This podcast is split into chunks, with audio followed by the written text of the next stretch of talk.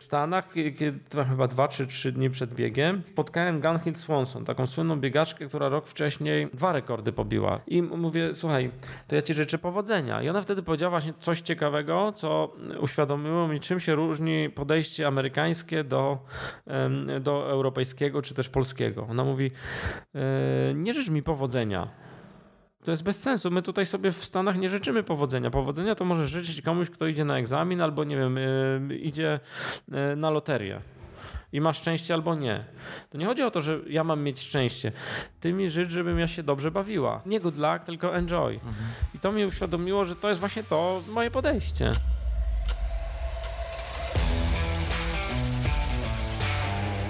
To był Krystian Okły, ja się nazywam Kamil Dąbkowski i witam Was w podcaście Black Hat Ultra.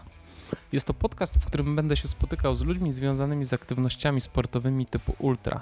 Najbliższe memu sercu są długodystansowe biegi górskie oraz rajdy przygodowe i na tych dyscyplinach chciałbym się skupić. To, co chciałbym przekazać w tym podcaście, to jakimi ludźmi są ci sportowcy, jak trenują, jaką mają dietę, jak się regenerują, ale chyba najważniejsze jest dla mnie to, żeby dotrzeć do tego, co ich motywuje i jak radzą sobie mentalnie z treningami, kryzysami, sukcesami i porażkami. Krystian jest biegaczem, który nie boi się spełniać swoich marzeń. Pewnego dnia postanowił, że pobiegnie 12 biegów z cyklu Ultra Trail World Tour. Zawodów rozsypanych po całym świecie. Takie trailowe perełki, które każdy ultras chciałby pobiec. Krystian chciał i pobiegł. Biegi te są niezwykle zróżnicowane mają różne długości i odbywają się w różnych strefach klimatycznych. Usłyszymy w tym podcaście, jakie doświadczenia spotkały go na wyspie Reunion, Maderze i na maratonie piasków. Często również padnie hasło UTMB, chyba ulubionego biegu Krystiana, który podczas ostatniej edycji przebiegł ten dystans 170 km, docierając na metę 27. Do rozmowy dołączyła również jego żona Anita – wierna saporterka i dietetyczka, która z wypiekami na twarzy opowiada o dokonaniach męża. Przed Wami Krystian i Anita Ogły.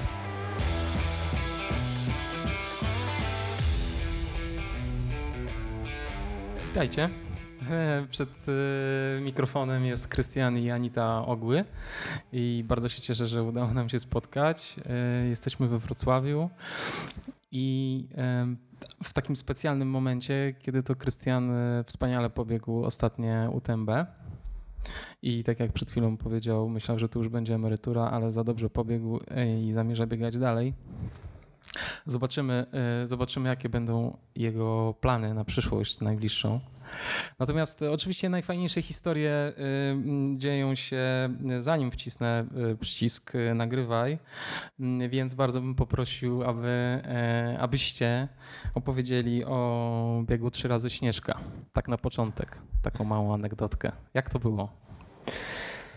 Witajcie, Krystian z tej strony. Cześć, Anita. E, więc ja do dzisiaj mam takie przekonanie, że bieg trzy razy Śnieżka jest e, najtrudniejszym biegiem w moim życiu, bo to jest jedyny bieg, którego nie udało mi się jeszcze ukończyć, pomimo tego, że dwukrotnie próbowałem. E, natomiast najtrudniejsza była ta druga próba w 2015 roku, jak dobrze pamiętam, w 37-stopniowym upale gdzie biegłem tradycyjnie e, swoje, czyli spokojnie, nie spiesząc się zbytnio, ale też nie przesadzając ze spowalnianiem. I po wbiegnięciu trzeci raz na śnieżkę, kiedy czułem się wyśmienicie, mm, coś we mnie, jakiś szatan podpowiedział finiszu i na maksa. E, no i zacząłem finisz z samego szczytu śnieżki, czyli tam około 10 km do mety było, co było Niestety. A na której pozycji wtedy byłeś?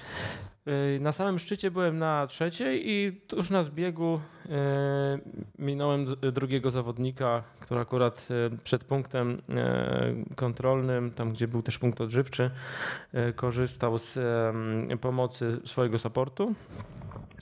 E, natomiast istotniejsze było to, że on wyglądał już na mocno sfatygowanego, a ja względem niego wydawało mi się, że jestem tak świeży, że mogę sobie pozwolić na e, finisz prosto do mety.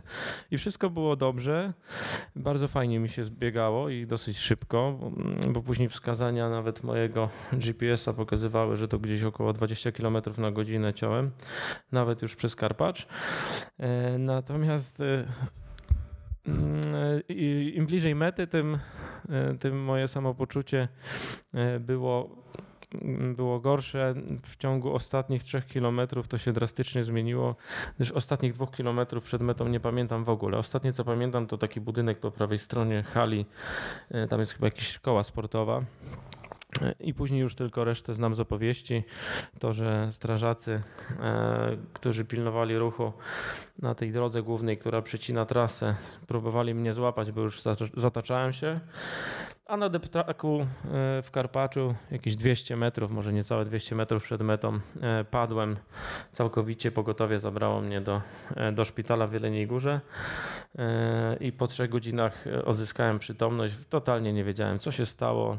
Byłem przekonany, że. Padłeś był... z wysiłku, rozumiem. Tak, tak. tak. Mhm. Odcięło mnie. Po prostu to była reakcja obronna organizmu. Mhm. Mózg odciął zasilanie mięśniom.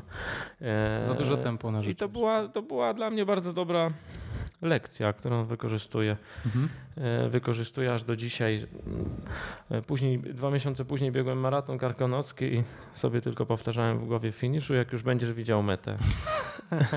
Te 200 metrów przed metą można mocniej, mhm. a nie wcześniej, bo to się rzeczywiście może różnie, różnie skończyć. No i tak było. I dlatego mówię, to jest najtrudniejszy bieg. E, po pierwsze, w tym roku już było się tam bardzo trudno dostać. Mhm. E, trudniej niż na Western States. a po drugie, to jest jeden z biegów, których, którego nie kończyłem, a Western States ukończyłem. Ukończyłeś. No. I to ze świetnym wynikiem.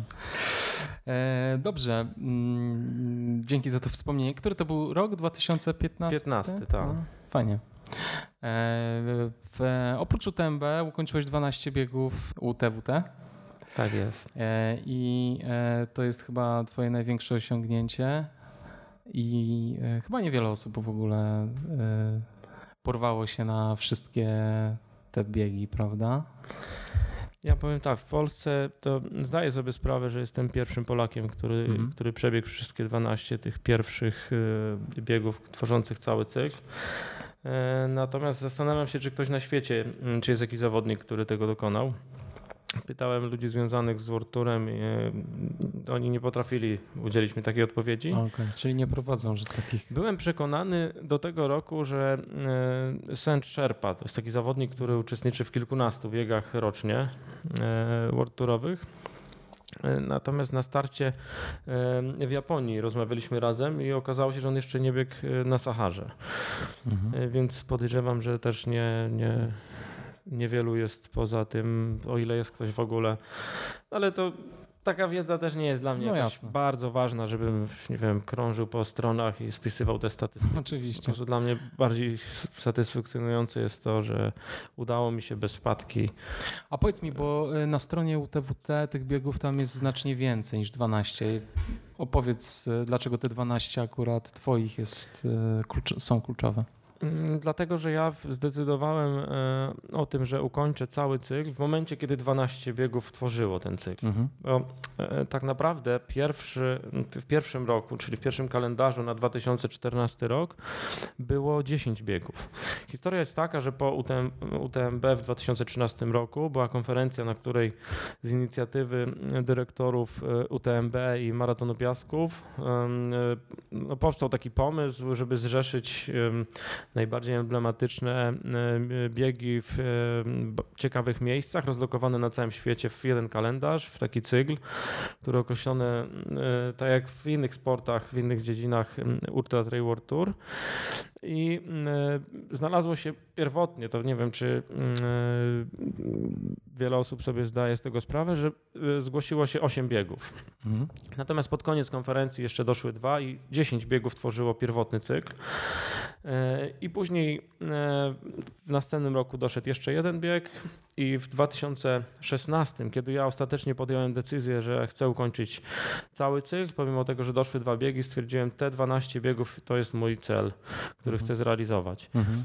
Ten kalendarz on się rozrasta, zmienia.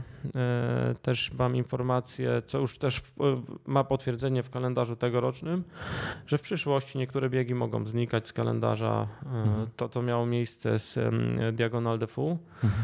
E, ja mam nadzieję, że to jest tylko jednoroczny, e, jednoroczna No absencja właśnie, bo tego teraz- biegu, bo to jest bieg, który naprawdę wyjątkowo trudny, ale też godny polecenia. No właśnie, opowiedz trochę o nim, bo szczerze powiem, to ja też o nim myślałem, e, ale przeczytałem gdzieś twoją relację, która właśnie mówiła o tym, że to jest piekielnie trudny bieg. To jest bieg na wyspie Reunion, nie, 170-kilometrowy, tak? Ile przewyższeń ma?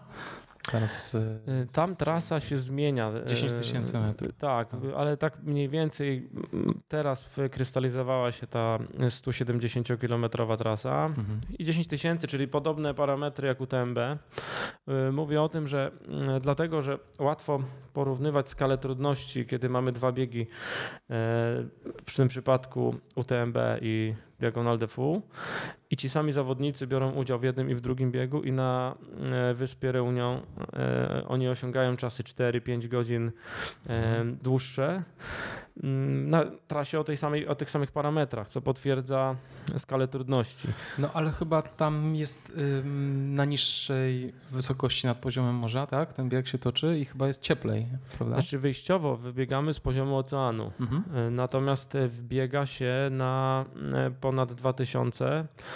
Pierwszy szczyt Piton Textor to jest w okolice tam trochę ponad 2400 metrów. Mhm. Ale paradoksalnie pierwszy odcinek 40 km, tam gdzie jest właśnie ten pierwszy uphill blisko 2,5 tysięczny, to jest najłatwiejsza część e, całej trasy, bo ona jest taka właściwie w całości da się biec, nie ma jeszcze trudności dużych technicznych. Cała zabawa zaczyna się po wbiegnięciu do e, centralnej części wyspy, a tworzą go trzy cyrki, no to po naszemu byśmy powiedzieli e, kotliny. Tam jest najpierw e, Silaos, później Salazi i ostatni jest Mafat. I ten Mafat to jest taka, takie fatum wielu biegaczy, dlatego że nawet organizatorzy mówią zawodnikom, że jeżeli będziesz y, y, miał wbiegać do Mafat, to się dobrze zastanów, czy, y, czy się czujesz odpowiednio mocno, dlatego że y, no to też jest atrakcją wyspy. To w, w tym cyrku y, nie ma dróg. Tam y, dojazd jest możliwy tylko helikopterem, zaopatrzenie tych wiosek, które się tam znajdują swoją drogą wyjątkowo piękne te wioski są. E, Odbywa się wszystko z helikopterów, listonosz e, na piechotę dostarcza pocztę e, i z punktu widzenia organizatora biegu niezwykle trudno tam jest udzielić pomocy. Jeżeli ktoś, nie wiem, poczuje się źle, no to wiadomo, że organizator nie zapewnia każdemu, który schodzi z trasy helikoptera, no bo to by było zbyt, zbyt kosztowne.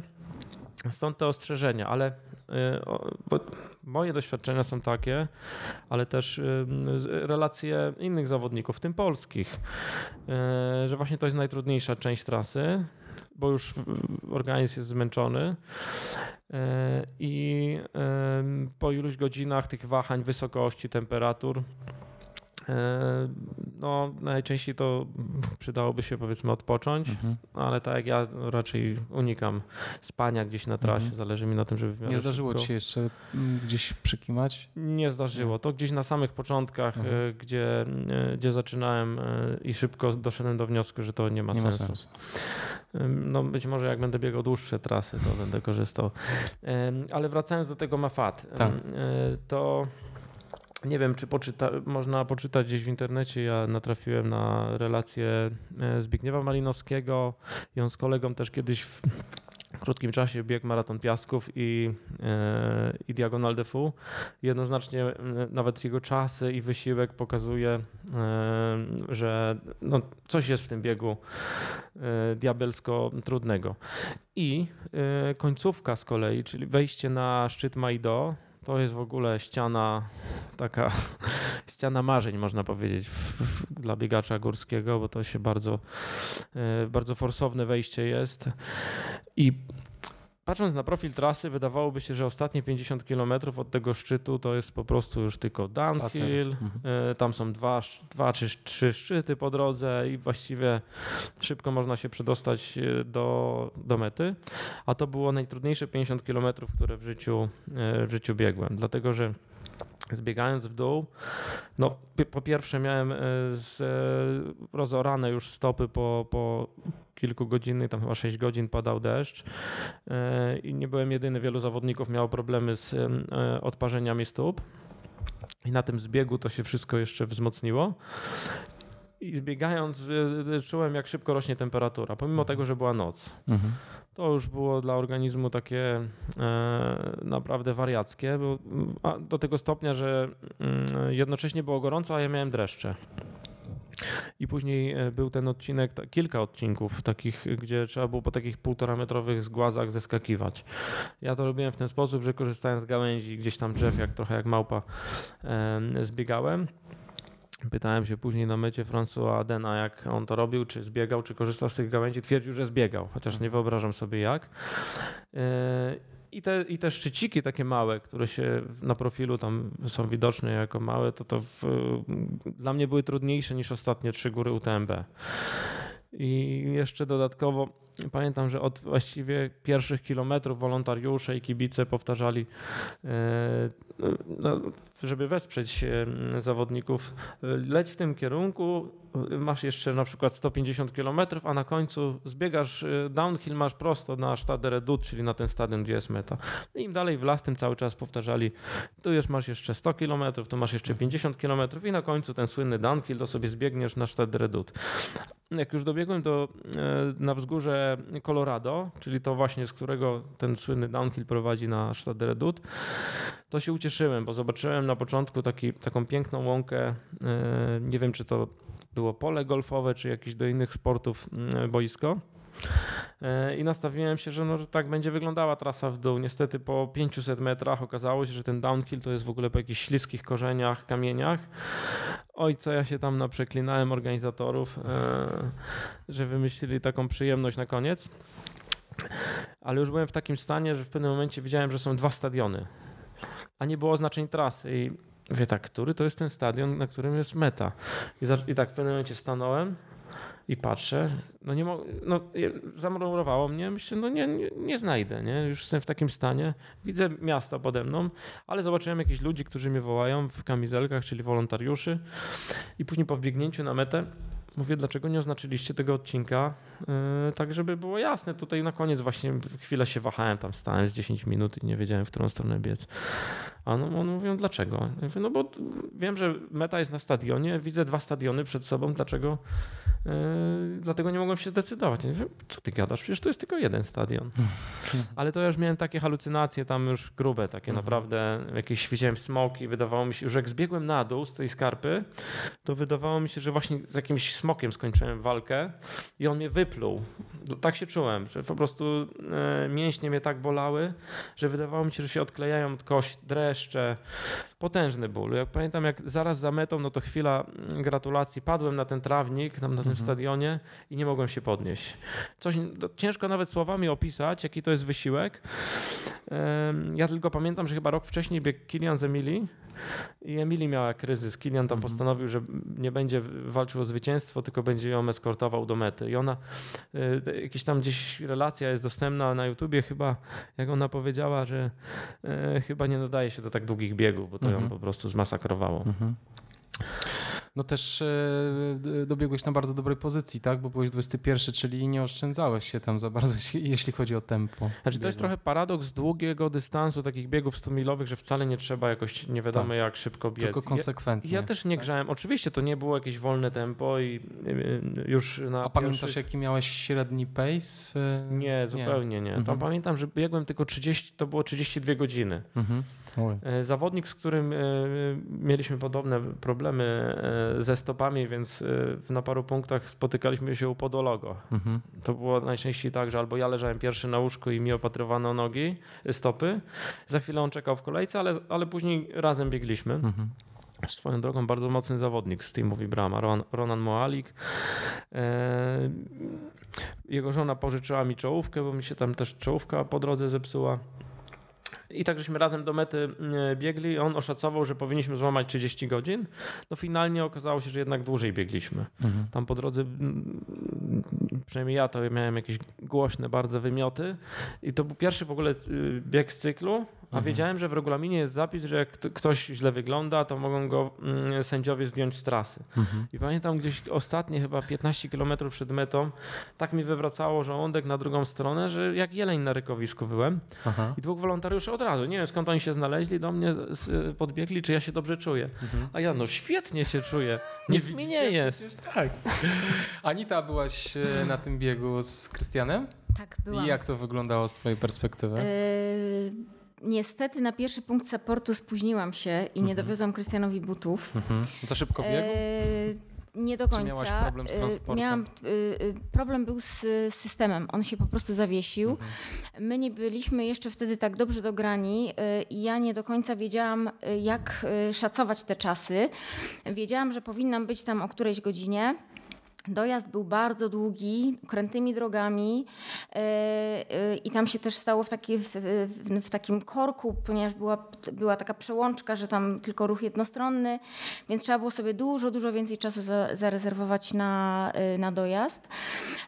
I ponieważ te, ten system, który monitoruje bieg biegaczy, pokazywał, że Krystian stoi w miejscu i wszyscy stoją w miejscu, ja y, y, w pewnym momencie podjęłam decyzję, trudno, po prostu tam jadę i będę tam czekać do skutku. I okazało się, że spóźniłam się o 20 minut. My się minęliśmy o nieszczęśliwe 20 minut, więc Krystian nie dostał wtedy y, butów. I to było też przyczyną tego, że, że te stopy się dalej odparzały. Czekałam na tym nieszczęsnym Maido. Jak Krystian opowiadał o, o, o tym podejściu do Maido, to ja to też bardzo dobrze pamiętam. Y, ponieważ y, y, patrząc, jak ci biegacze idą z tak strasznie z takiej doliny, i to podejście z punktu widzenia supportera było niesamowite, po prostu y, i nic tego nie, nie, jakby nie, nie odzwierciedli, bo zdjęcia nie pokazują tego, tej przestrzeni i tej wielkości góry, pod którą oni muszą podejść. Faktycznie y, Widzieliśmy, y, bo tam byłam z taką grupą Polaków, którzy nam, nam pomagali. Y, y, Bardzo, bardzo zresztą y, y, fajni ludzie, którzy, którzy na przykład tłumaczyli z języka francuskiego na polski, bo na takich wyspach trudno się porozumieć w języku angielskim. Y, Więc y, To jest w ogóle wyspa francuska, Wyspa prawda? francuska, jest, tak. tak. Przy Mauritiusie, ale tam... Zgadza się. Y, I przyznaję, że y, tam była taka sytuacja, że widzieliśmy biegaczy, którzy wchodzą z tego Maido, y, wchodzą na Maido i oni byli faktycznie, widać było, że to był niesamowity wysiłek. Niesamowity wysiłek dla tych pierwszych z, z czołówki. My tam czekaliśmy chyba 5 godzin, aż do nocy. Zrobiło się bardzo zimno i też odczuwaliśmy, jak te zmiany temperatur mają kolosalne znaczenie tam. I najgorszy chyba był moment, kiedy najgorszy i najpiękniejszy był moment, kiedy Krystian wbiegł na metę, bo po pierwsze ja już wiedziałam, że on jest już bezpieczny i jest, a po drugie widziałam, jak jego organizm y, został strasznie sforsowany.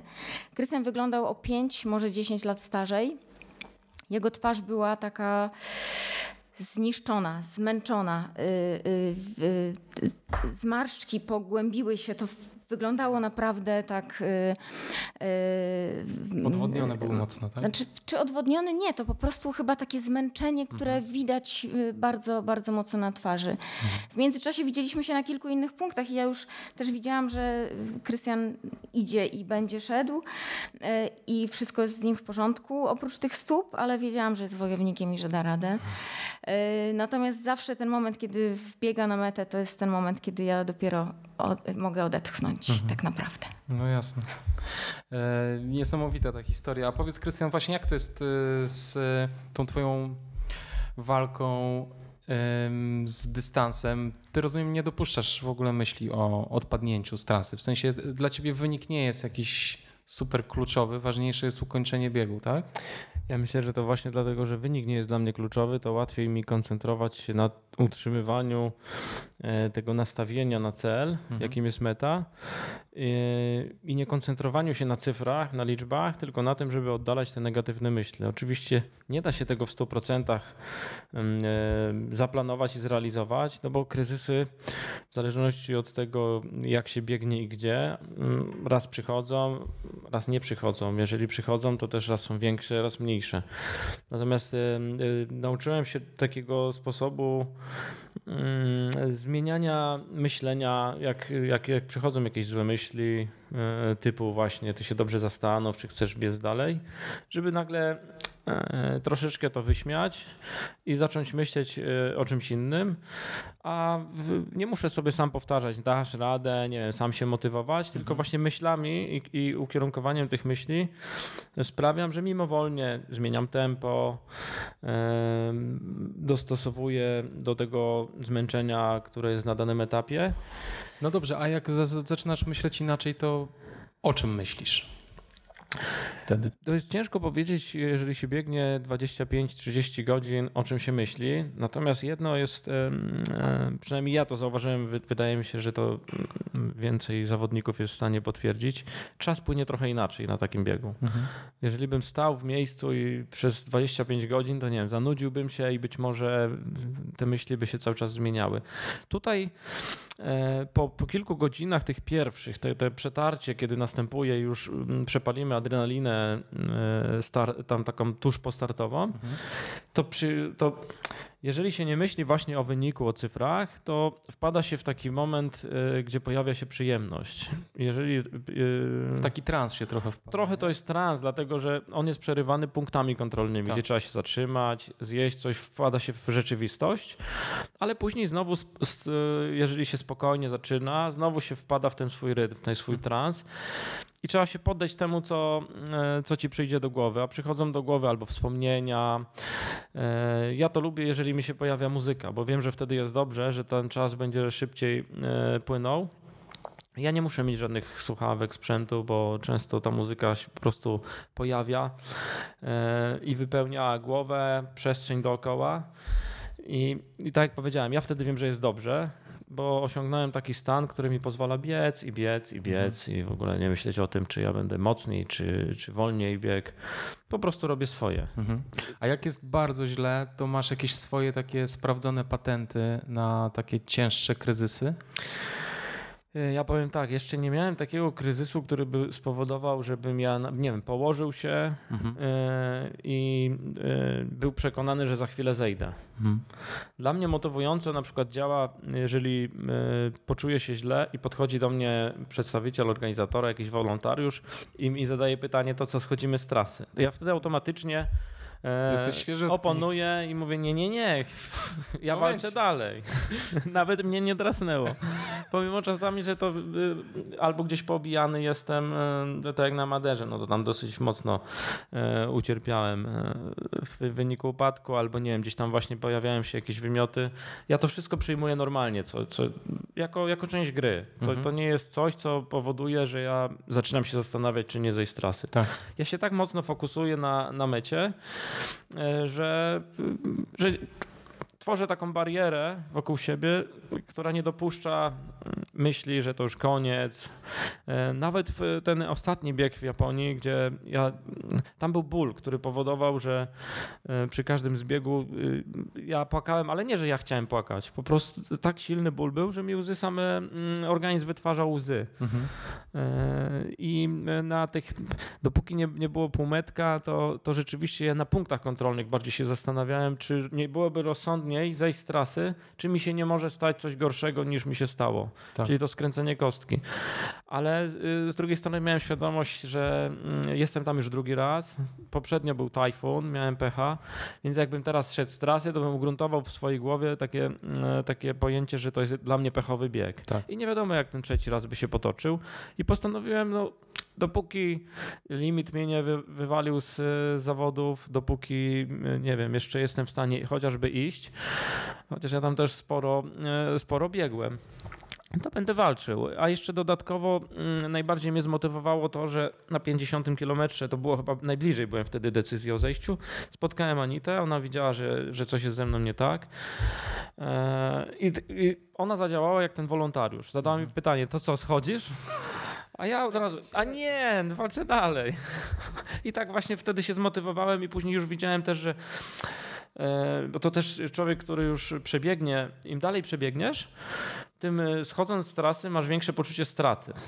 No bo bliżej No masz do mety, a już kawał roboty wykonałeś, więc ym, ja to zawsze mówię, że już po półmetku to już łatwiej, bo już jest, jest z górki i nawet jak coś się dzieje mm, niedobrego, to też y, mam coraz większy zapas czasowy na to, żeby nawet no, nie śpię, ale mógłbym się wyspać, gdzieś do, do, me- do lekarzy pójść po pomoc. Możliwości jest wiele. Nie, nie, nie działam tak i to też nie, no nie chcę powiedzieć, że nie lubię, ale mm, nie, nie jestem entuzjastą em, takich sytuacji, gdzie właśnie ci zawodnicy z elity widzą, że mają zły dzień, albo tak y, na UTMB, Tak. to jest klasyczny ten słynny pogrom. To nie jest y, zdarzenie, które w tym roku tylko miało miejsce. E, Nie są w czołówce, to automatycznie szukają jakiegoś pretekstu, Pretekstu. żeby zejść z trasy.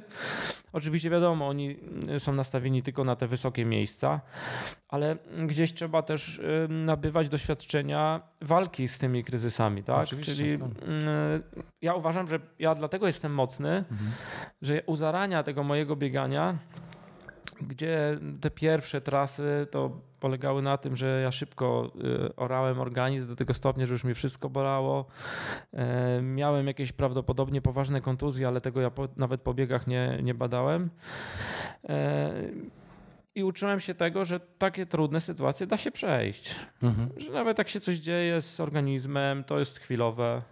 Za chwilę, nie wiem, albo siądziesz, albo zwolnisz, yy, weźmiesz żela, cokolwiek zrobisz, co...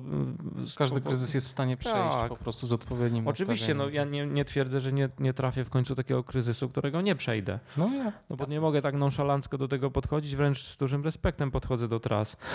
Mm, Natomiast y, uważam, że najważniejsze są myśli nie? i to, co w głowie sobie układasz. Jeżeli, jeżeli bo też, też obserwuję u zawodników czasami, z z którymi biegam zawody, jak ktoś od początku zaczyna wyszukiwać em, elementów gry, których nie lubi.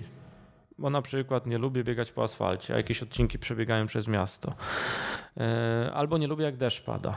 I koncentrują się na tych, tych negatywnych mm, aspektach, to później im więcej negatywnych myśli, ten człowiek jest coraz bardziej negatywnie w ogóle nastawiony. I w pewnym momencie tak myśli, po co ja tu w ogóle jestem? Nie? Najlepiej to w ogóle zejdę z trasy, przyjadę sobie za rok, jakoś to będzie. Ale jeżeli pierwszy, drugi, trzeci raz mm, tak łatwo się poddajesz, to później wiele zawodów będziesz też łatwo poddawał, bo wiesz, że no w sumie nic wielkiego się nie dzieje.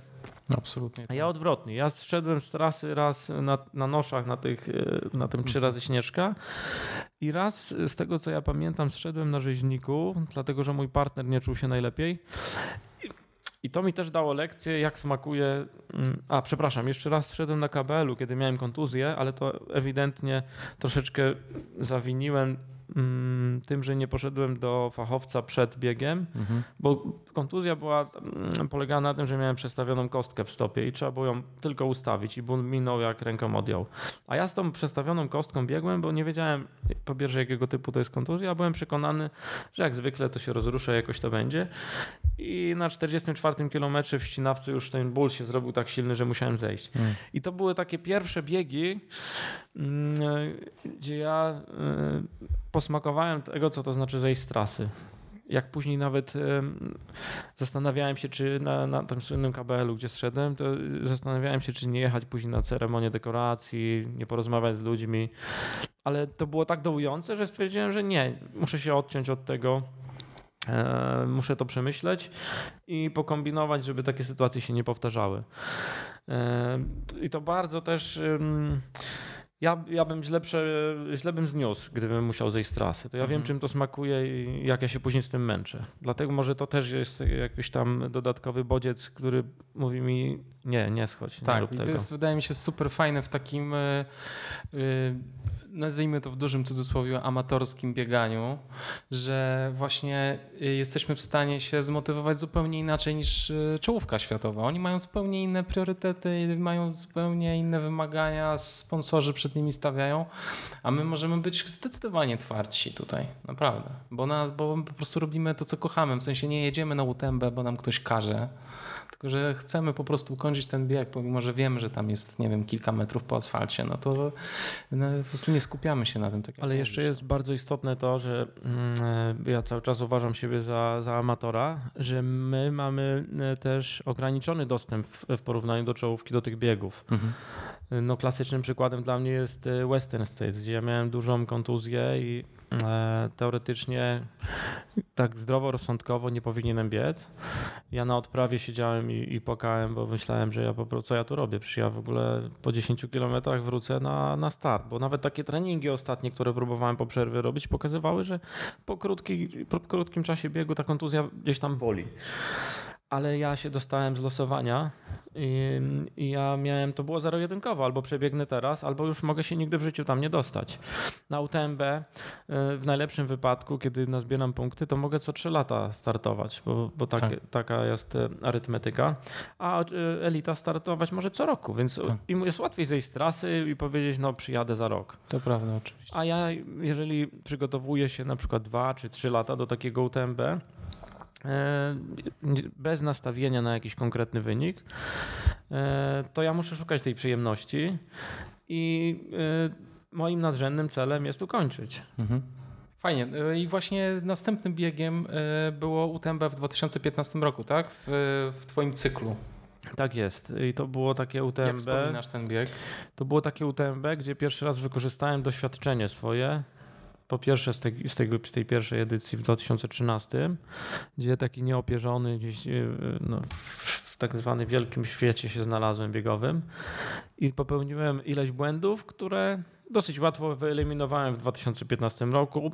Poza tym to już był drugi sezon z Marcinem Świercem, mhm. więc już moje, moje treningi też były nastawione pod to UTMB. E, czułem się mocniejszy, bo wiadomo, takie gdzieś biegi kontrolne się mm, pojawiały, które pokazywały, że robię postęp. E, I skoro skończyłem UTMB dwa lata wcześniej, no to byłem bardziej pewny siebie i wiedziałem, że mm, raczej e, no nie muszę się tak bać e, tego, że nie skończę. E, miałem tylko problem taki, że mm, Naj, najbardziej się bałem tego, że biegnę to już drugi raz, w, sumie ja już to wcześniej ukończyłem, może nie będę miał tyle motywacji. I bałem się tego momentu, że w, że, mm, no w tamtym okresie na biegach takich 100-milowych e, ja przez długi czas miałem e, takie, e, taki, taki e, etap biegu, gdzie pojawiały się kryzysy. E, myślę, że wielu biegaczy, tak jak rozmawiam z kolegami, ma coś takiego, kiedy nie ma jeszcze półmetka. Dla mnie to na takim UTMB to jest 60-65 kilometr, mm, gdzie już odczuwam takie pierwsze, poważniejsze zmęczenie i sam sobie zadaję pytanie, co ty w ogóle tutaj robisz? Przecież ty się nie nadajesz do tego, ty jesteś już tak wyczerpany, przed tobą jeszcze ponad 100 kilometrów. Ty się dobrze zastanów, czy ty się zdrowo czujesz, czy ty wybrałeś dobry sport, czy ty nie powinieneś teraz siedzieć z kolegami na grillu, popijać piwko yy, i czerpać przyjemności z życia, a ładujesz się w jakieś, w jakieś takie tarapaty, gdzie w środku nocy yy, czujesz się już ledwo, ledwo. Yy, no i teraz co? Głupio zejść, a może by jednak zejść i to był taki to był taki styk braku motywacji, e, trochę kryzysu, mhm. gdzie trzeba było e, bardziej mentalnie powalczyć. Mhm. No już coraz mniej mam te, te sytuacje takie, gdzie, gdzie właśnie na tym etapie, ale może dlatego, że ja z góry wiem, że startując, nastawiam się, że właśnie w tym momencie tak. powinienem być czujny tak. i ustawiać sobie tak tempo, żeby, mm, żeby tego uniknąć. No właśnie, bo to doświadczenie w tych biegach już masz ogromne. W, I pomimo, że mm, te biegi UTWT e, mają różne dystanse, bo część z nich to jest 100 km, część to ma 100 mil, to, to jednak y, no, pojeździłeś sporo, pobiegałeś w różnych E, sytuacjach pogodowych w różnych częściach świata. Pewnie jak przy w upale, w, jak była duża wilgotność, albo jak było bardzo sucho. I te, ta, cała, ta całe twoje doświadczenie jakby teraz y, y, wpływa na to, jak podchodzisz do, do kolejnych biegów. A mama Anita, do ciebie pytanie, czy ty poczułaś jakąś zmianę u Krystiana, jak on właśnie zaczął z Marcinem Świercem pracować? I, i jak, to, jak to widzisz? tą UTMB właśnie w 2015? E, przeszliśmy razem, przeżyliśmy razem trzy UTMB mhm. i faktycznie to pierwsze w 2013. E, nie wiem, czy to wynikało z tego, że Krystian e, biegł po raz pierwszy i to była dla niego trudna, zaskakująca trasa w wielkim świecie, jak to tutaj Krystian przed chwilą powiedział, w wielkim biegowym świecie. I czy, te drugie, czy, czy, ten drugi bieg jest kompilacją doświadczeń z pierwszego biegu i innego rodzaju trenowania? Pewnie tak, dlatego że Marcin wprowadził Krystianowi inne elementy treningu i ta siła biegowa Krystiana po prostu rośnie. I ja widzę, jak, jak ona się zmienia z każdym rokiem. Y, y, widząc chociażby po tym mm, UTMB, które było w tym roku, to, to jakby porównując dwa poprzednie, widzę, że jest niesamowity progres i ta kompilacja dobrych treningów plus głowy, mocnej głowy Krystiana i tej E, tej waleczności powoduje, że to jest mieszanka absolutnie wybuchowa. Mhm. Super. A e, powiedz Krystian, jakie to są treningi, które tę siłą, siłę biegową ci tak podnoszą do góry. Znaczy Anita powiedziała o sile biegowej, ale to miała bardziej na myśli to, że ja jestem bardziej przygotowany mhm. E, i generalnie jestem mocniejszym zawodnikiem, bo okay. siła biegowa tutaj w sensie już e, elementu, który wykorzystujemy na zawodach, to jest trochę e, inna bajka, o czym innym byśmy musieli mówić. Natomiast ja porówno rozkładam nastawienie na, na różne elementy. Znaczy to ja, no to za sprawą Marcina. Nie przykładam dużej wagi do czegoś, e, co na przykład mi dobrze leży albo co mi mocno nie leży, tylko raczej staram się być wszechstronny. Ale to dlatego, że to, to wynika właśnie z tego doświadczenia biegania w różnych warunkach i ja wiem, że są biegi, większość tych biegów wymaga wszechstronnego przygotowania, bo trzeba też e, oprócz e, siły biegowej, mieć szybkość, wytrzymałość, te podstawowe elementy, ale też trzeba mieć odporność psychiczną, kiedy się znajdzie w, człowiek w niekorzystnych warunkach. Ale też taką wiedzę wynikającą ze startów, licznych startów. Żywianie też że nie, znajdziesz się w ulewie, no przecież nic wielkiego się nie dzieje. Mhm. przykładowo, no te, te, teraz na UTMB na tych najwyższych szczytach było zimno, no to wiedziałem, że przecież po co się będę zatrzymywał. Bieg, znaczy ja to inaczej troszkę nazwałem, bardziej mocno, e, że ja znajdując się na jednym ze szczytów, że muszę szybko stąd uciekać. Tylko sam do siebie mówiłem i trochę mocniejszych słowach. I rzeczywiście nie, nie zwlekałem, ale to, to, było, to był taki element e, wynikający z doświadczenia. Ja tylko jeszcze wrócę do tego UTMB w 2013, bo to tak śmieszna mi się e, historia przypomina, e, kiedy e, ona jest dla mnie śmieszna, ale też taka rada dla supporterów z tego wynika.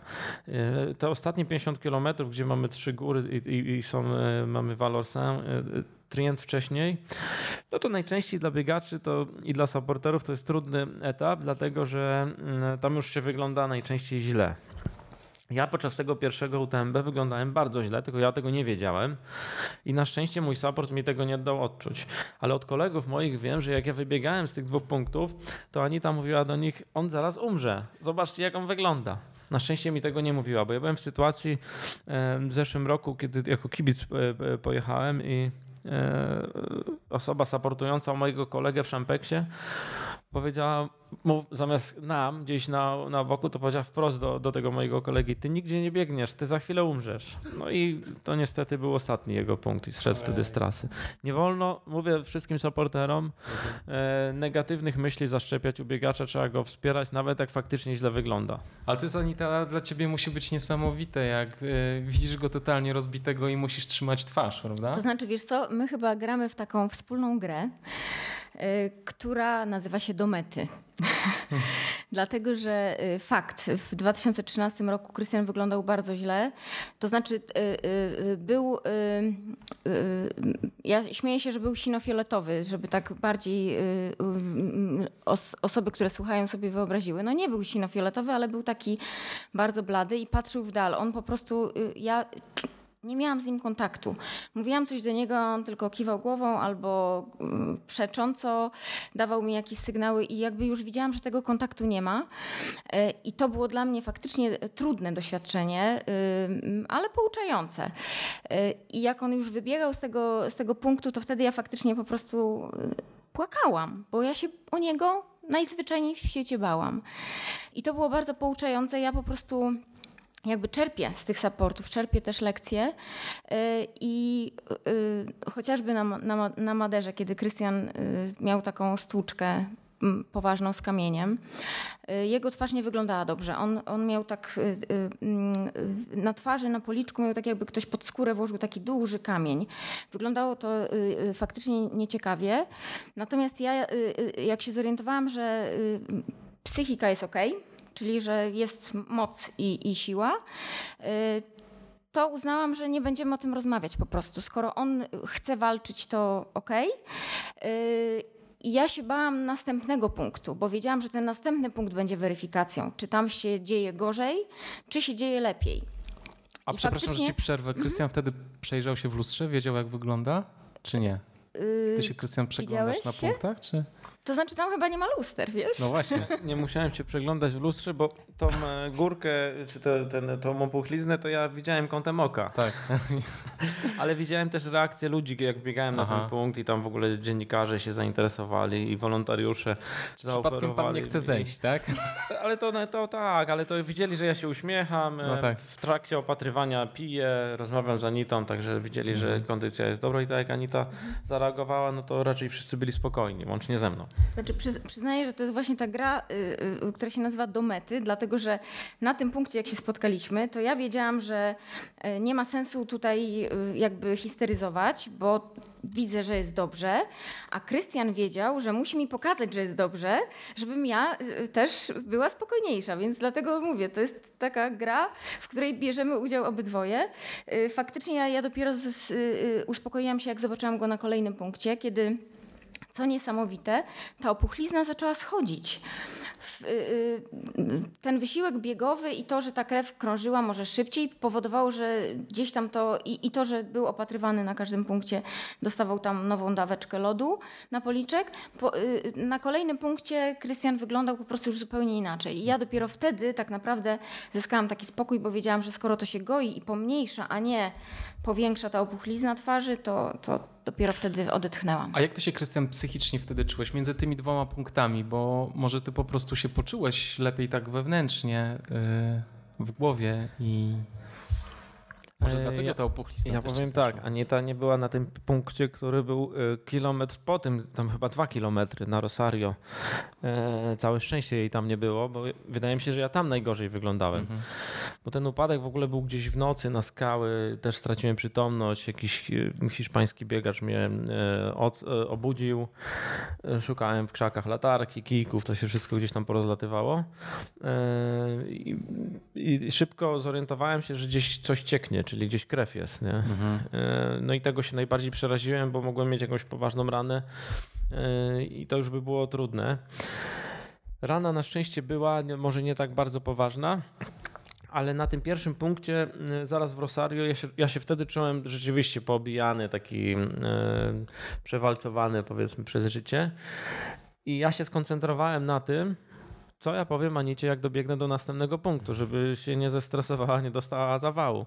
I całą drogę kombinowałem, co jej powiem. To sobie wymyśliłem takie powiedzenie z jednego kawału, ale może nie będę to mówił, to, czy tam tak zmiękczę tą wersję. Jak znacie ten kawał, to się zorientujecie o co chodzi. E, pomyślałem sobie, że powiem, no walłem to walłem, nie drąż. I sam się z tego śmiałem. Tak. No i to też mnie w, w, dobrą kondycję psychiczną wprawiło, bo, no bo sobie cały czas ten kawał przypominałem. Tak. I rzeczywiście wbiegłem tam na ten punkt kontrolny z uśmiechem. E, trochę to też, tak jak Anita mówi, ja czasami aktorsko podchodzę, żeby jej nie martwić, e, udawać, że nic się nie stało, ale to też mnie podbudowuje, że ja mogę jeszcze myśleć o, o grze aktorskiej, czy tam o... No, no właśnie, e, to ciekawe, co o tym aktorstwie powiedziałeś. Czy na przykład jak wpadasz na punkt i wiesz, że będzie tam Anita, to na przykład wiesz, prostujesz się i prężny krok wtedy masz. Nie, to chyba tylko w takich trudnych sytuacjach, gdzie jakiś dzwon jest albo, mm, albo jakiś taki odcinek, gdzie mm, przeora mnie mocniej. E, najbardziej pamiętam te ostatnie biegi, a, a przede wszystkim to UTMB, które mi tak lekko poszły i właściwie nie było potrzeby mm, e, robienia czegoś takiego, mm, udawania. No, cały bieg praktycznie dla mnie się ułożył tak, że ja w super kondycji do samej mety e, zmierzałem. A czy y, tak naprawdę my, wbiegając na punkt i wiedząc, że jest Anita, czy myślisz trochę o tym, co ona sobie pomyśli? W sensie, czy dla niej coś robisz jakieś... Znaczy ja już jak dobrze się czuję i wbiegam, to wiem, że ona też będzie spokojniejsza. Mhm. Natomiast dla mnie to jest niesamowite wzmocnienie psychiczne, tylko że mm, trzeba też y, zachowywać rozsądek w tym, w tym y, supportowaniu, że tak powiem. Na szczęście na UTMB to są limitowane miejsca, gdzie, gdzie Tak. support może być, ale są takie biegi, gdzie praktycznie na każdym punkcie mógłby być support. I to wcale nie jest dobre, bo nie musimy mieć co 5 km czy co 10 osoby, z którą siłą rzeczy trzeba się zatrzymać, porozmawiać. Nam też, ja mówię o sobie, no ja nie potrzebuję też jedzenia tego swojego tak często. Zbyt częsta obecność supportu spowalnia na pewno. Mhm.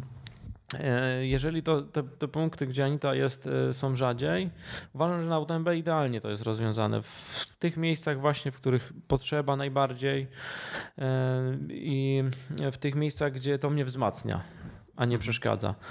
I ja się wtedy naprawdę cieszę na samą myśl, że za chwilę dobiegnę do takiego punktu, bo wiem, że znowu będę miał wsparcie, znowu się odezwę, znowu gdzieś tam czasami mm, Anita mnie zmotywuje jakimś słowem, e, zjem swoje. E, Jedyne, co cały czas staramy się poprawiać, to żeby ta chwila w tym punkcie trwała jak najkrócej. No, z punktu widzenia supportera, czyli Anita, no, ja sobie zdaję sprawę z tego, że ona czeka czasami tam kilka godzin w tym punkcie i chciałaby ze mną pogadać, żebym jej opowiedział, co tam się zdarzyło na trasie. E, A ja jej tłumaczę jeszcze przed biegiem, że dobiegnę do mety, to ci wszystko opowiem. Tak. Oczywiście później nie opowiadam, ale gramy w jednej drużynie i o, nawet ona powinna sprawiać, żebym ja jak najszybciej z tego punktu wybiegał. Nie? I to nam się udaje cały czas poprawiać i to dosyć mocno. No i fajnie, bo na punktach to można nieźle zamulić, co nie?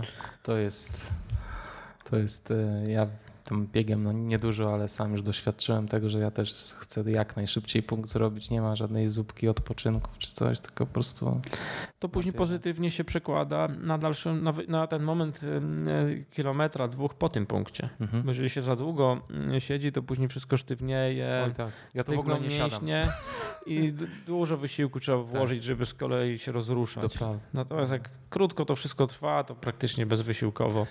No dobra, a słuchajcie, dalej. bo y, mówicie o Reunion Maderze, to są przepiękne miejsca na świecie. Powiedz Krystian, czy ty biegnąc taki bieg jesteś w ogóle w stanie docenić tę niesamowitą naturę, która cię otacza? Ja bardzo mocno zwracam na to uwagę i zawsze staram się cieszyć y, widokami, trasą, tymi niesamowitymi miejscami. Też mam świadomość, że tych miejsc jest na tyle dużo, że nawet w czasie biegu dociera do mnie, że ja nie wiem, czy ja tu kiedyś jeszcze wrócę, więc staram się nacieszyć tym, y, tym, y, tym miejscem.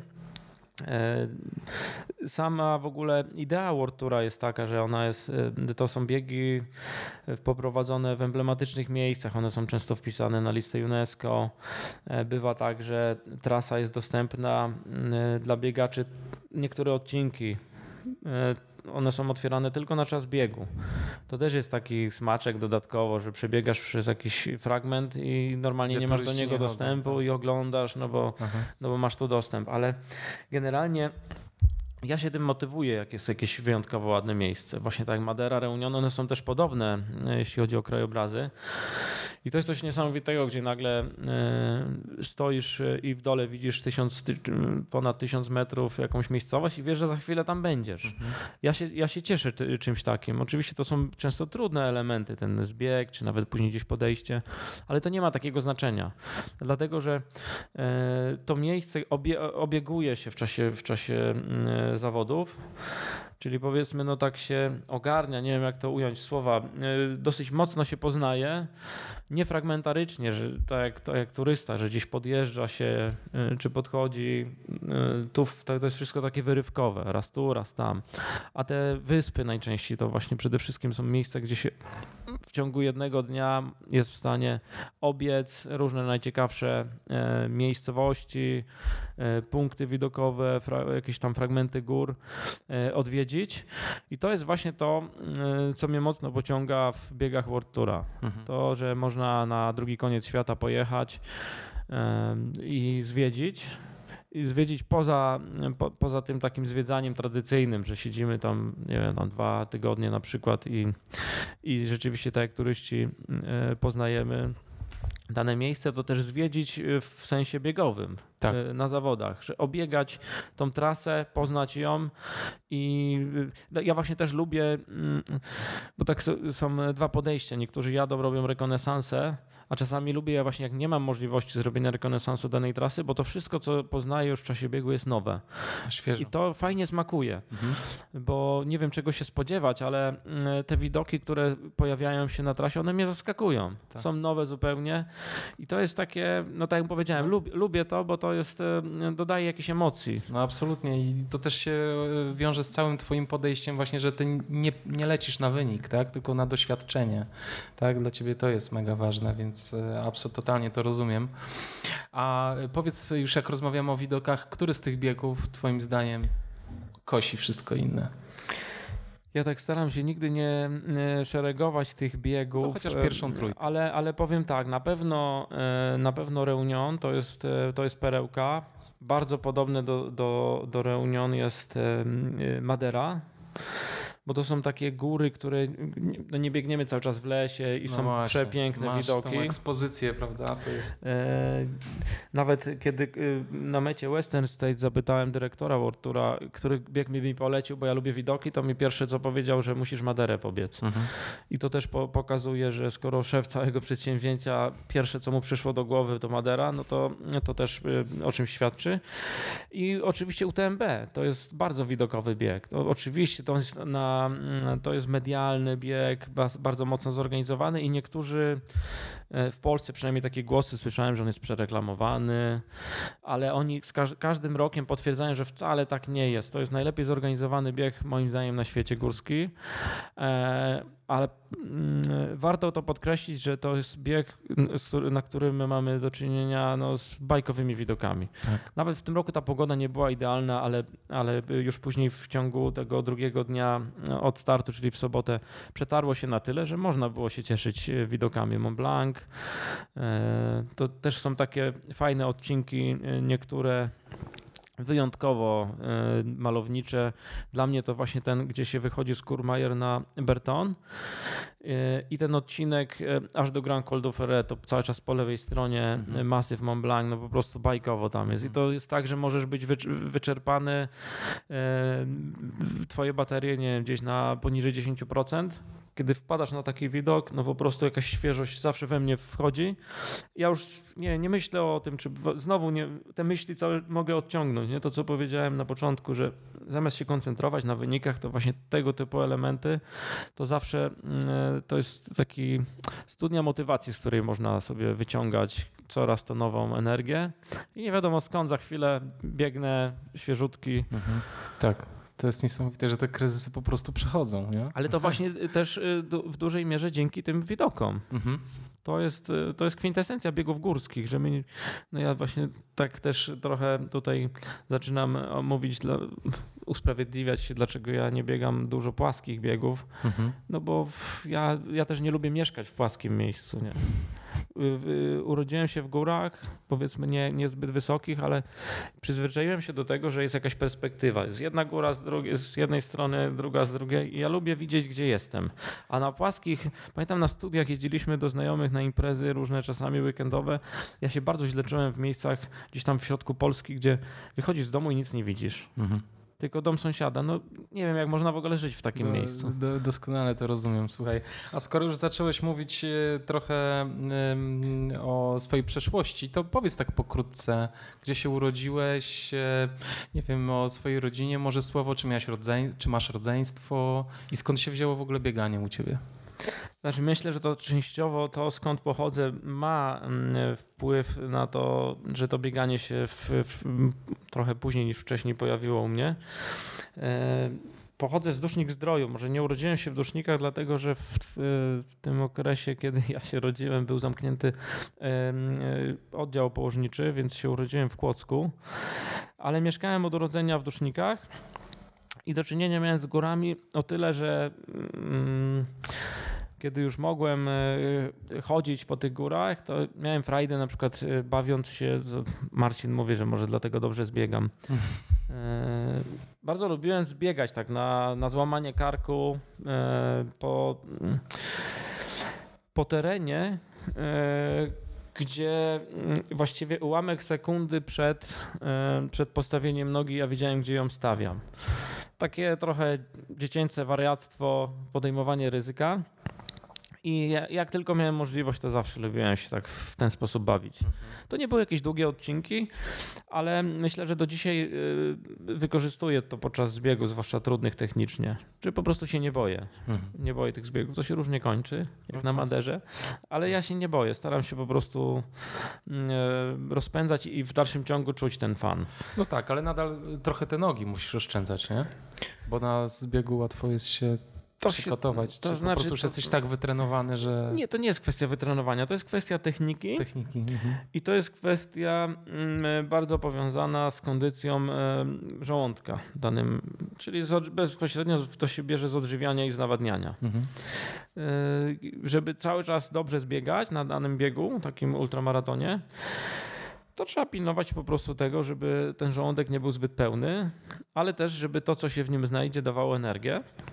E, I w, jeżeli w którymkolwiek, bo ja nie mówię, że jestem idealny, nie popełniam błędów, bo jeżeli już się ten błąd pojawi, to ewidentnie e, myślę, że wiesz o czym mówię, albo pojawia się kolka, albo jakiś problem, który powoduje, że nogi by mogły, ale z jakichś powodów musisz hamować. I to się mhm. zaczyna taki robić ciąg zdarzeń, że jak hamujesz, to wtedy właśnie sobie przeciążasz te czwórki, mhm. kolana. No tak. I później. A jak się spuści. Na, następuje ciąg dalszy, że już później ciężko wejść w taką fazę z tego swobodnego zbiegu. Tak. No to jest kwestia cały czas łapania równowagi i szukania tej równowagi.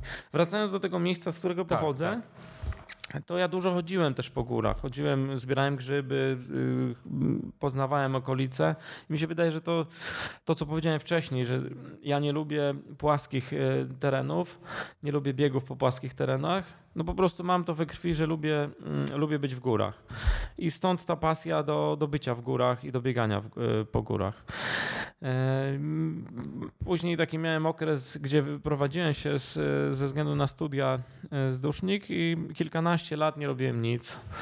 E, no, poza WF-em gdzieś na, na tych studiach, ale to już był taki WF, nie pamiętam chyba. Studiowałeś po prostu. Raz w tygodniu. No, ja wtedy studiowałem, no to e, Gdzie, wpadłem. we Wrocławiu? We Wrocławiu. E, to się wtedy moja uczelnia nazywała Akademia Rolnicza. Mhm. Teraz jest to Uniwersytet Przyrodniczy. Pięknie. I no, życie studenckie było jakie było. No to, w, to były lata 90. Juvenalia, piwo, imprezy w, w klubach, w akademiku, wiele imprez, no praktycznie już tam ten trzeci, czwarty, piąty rok, to były imprezy praktycznie codzienne. No nie, może nie takie jakieś wielkie, huczne, ale to ludzie po prostu żyli ze sobą. Nie było wtedy tak jeszcze mocno internetu, tych portali społecznościowych, więc y, były miejsca, gdzie można było się zgromadzić i po prostu po, poimprezować i te kontakty z ludźmi, którzy w ten, w, gdzieś tam się grupowali, wtedy razem one do dzisiaj trwają. Nie? To jest mhm. też taki fenomen, że przynajmniej my tak mamy, że utrzymujemy kontakt. Ale ja w ogóle nie miałem nic wspólnego ze sportem przez wiele lat. Mhm. Później jak zacząłem pracę, ale e, nawet e, rowerek, żaden basen? Nie, nic, nie, kompletnie? nie, po prostu... Narty, nie? W, tam w Zieleńcu coś? Nie, nie. Może raz tam na parę lat gdzieś tam mi się Aha. zdarzyło, ale ja też nie czułem się na tyle mocny na tych nartach, żeby, i, i żeby czuć z tego taki fan mhm. E, i żeby mnie to pociągało. I dlatego też ja się sam dziwię, że no, przypadek właściwie sprawił, że zacząłem e, może nie najpierw biegać, tylko mm, e, przez przypadek trafiłem na długi dystans. Znaczy szwagier mi powiedział w 2008 roku, że e, słuchaj, jest taka impreza w Karkonoszach, e, przejście dookoła Kotyny Leniogórskiej. Ja się będę tam próbował dostać, bo chcę sprawdzić, czy, czy jestem w stanie e, pokonać trasę. Ja mówię, a, jaki, jaki, a jaki to jest był? dystans? On mówi, no 145 km kilometrów. Ja mówię, ty zwariowałeś, nie? To co, tydzień tam będziemy szli? Nie, no mówi, jest dwa dni. Aha. E, No i tak pomyślałem, kurczę, w sumie ciekawy pomysł. E, Ale mówię do niego, słuchaj, no ale może byśmy się jakoś przygotowali. E, Zaczęliśmy tam e, e, drążyć temat, jak wygląda impreza. Okazuje się, że tam trasa nie jest oznakowana. E, Czyli taki na orientację trochę. Trochę na orientację, to znaczy trasa jest wytyczona, ale nie oznakowana. Okej. Czyli po szlakach. Większość elementów jest po normalnie, szlakach, ale są też y, odcinki, które idą y, poza szlakami i trzeba Mhm. było je sobie w postaci rekonesansów rozpoznać. Mhm. A ile mieliście przy, przy, pomiędzy decyzją o tym, że weźmiecie udział w tym biegu, a biegiem ile było I czasu? nie pamiętam, czy to był dzień, czy dwa, bo to tak po wariacku trochę zaraz żeśmy się zapisali Okej. i rozpoczęliśmy rekonesansę. To w ogóle, y, to się w ogóle dzisiaj ciężko, ciężko zrozumieć y, mi, jak Aha. y, można było tak, znaczy może nie wiem, nazwać to błędem, bo to ludzie, którzy zaczynają też od przejścia, to ja Jasne. wiem, że oni robią to samo, bo na, No, człowiek czuje, że po iluś latach przerwy masz podjąć wyzwanie i chcesz czuć się bezpiecznie. Żeby czuć się bezpiecznie, to chciałbyś mieć przy sobie wszystko, najlepiej cały dom. Jedzenie, no bo przecież 145 km, to ja będę szedł dwa dni, e, będę zużywał energię, no to no muszę mieć jedzenie. Żeby przygotować jedzenie, to muszę mieć e, jakiś sprzęt. Ja tam wtedy brałem normalnie kuchenkę gazową, e, czajnik, bochenek chleba, karimatę, śpiwór. Mój plecak to chyba z 15 kilo ważył. Oczywiście ja wszystkim, którzy zaczynają dzisiaj odradzam, no bo ja już to przeszedłem, już to moje doświadczenie jest do wykorzystania, Ja ale... zrobiłem dokładnie to samo, też wziąłem kuchenkę gazową. Ale to było coś niebywałego, bo uczysz się w ten sposób, że staje, y, stajesz w obliczu takiego wyzwania i na mecie pierwsze co stwierdzasz, to wycią- rozpakowujesz ten plecak i wiesz, co ci nie było potrzebne. Przy kolejnej edycji tych rzeczy już po prostu nie brałem. I y, ostatnio już jak biegłem, no to na lekko zupełnie tylko to, co było niezbędnym minimum wymaganym w regulaminie, plus parę rzeczy, które stwierdziłem, że może mi się przydadzą, takich przede wszystkim jedzenie i picie. I wszystko. Eee, I generalnie to się zaczęło w 2008 roku, czyli jakby tak liczyć, licząc od, od momentu, kiedy się wyprowadziłem z Dusznik, czyli w 96 roku, to masz 18? Nie, co ja... Eee, 12 lat. 12 lat przerwy takiej Mhm. od w ogóle zero Mhm. aktywności. Mhm. A nawet ja bym to nazwał mało sportowym trybem życia delikatnie.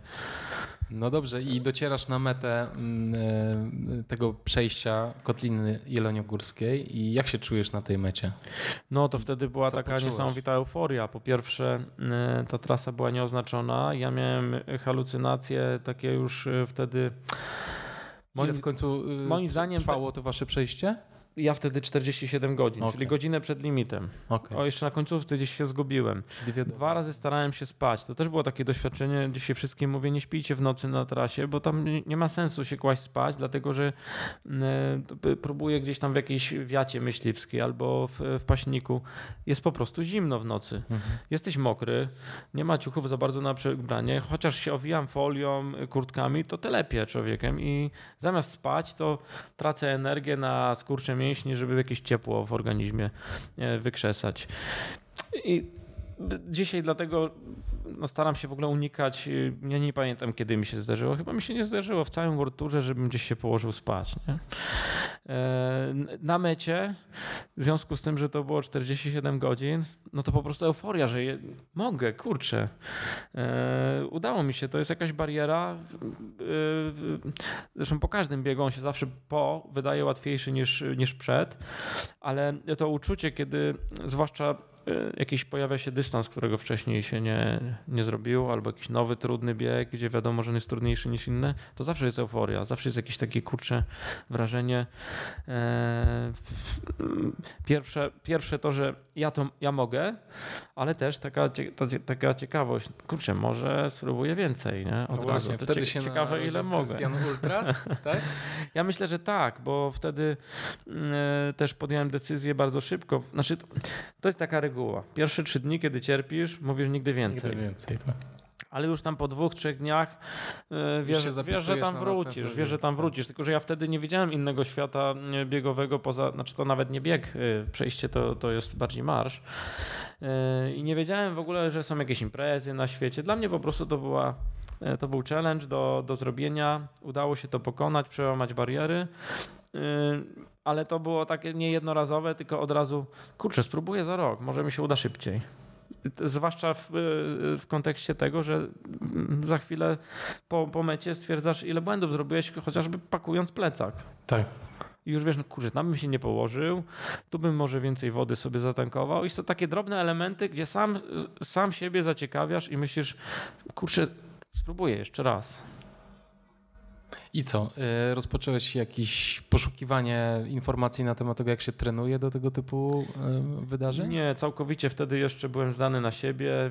Nie, ja przez długi czas w ogóle nie określałem siebie jako biegacz, jako zawodnik. To nawet mi się wręcz dziwne wydawało mówić o kimś, o biegaczu. Tak w ogóle to wszyscy, wszyscy biegacze to byli tacy dziwolągi dla mnie, kosmici.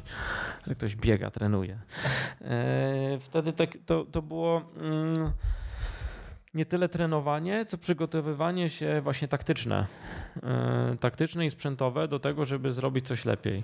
E, dopiero przy chyba pięć razy pokonywałem przejście, to chyba przy trzeciej edycji też przez przypadek, bo mm, na trasie szybko spotkałem Artura Wójcika. To był gość, który jak pokonywałem pierwszy raz trasę, e, zresztą do dzisiaj mój serdeczny kolega, e, on wtedy był w takiej pierwszej trójce i oni to zrobili w 20 chyba 7,5 godziny, czy 28.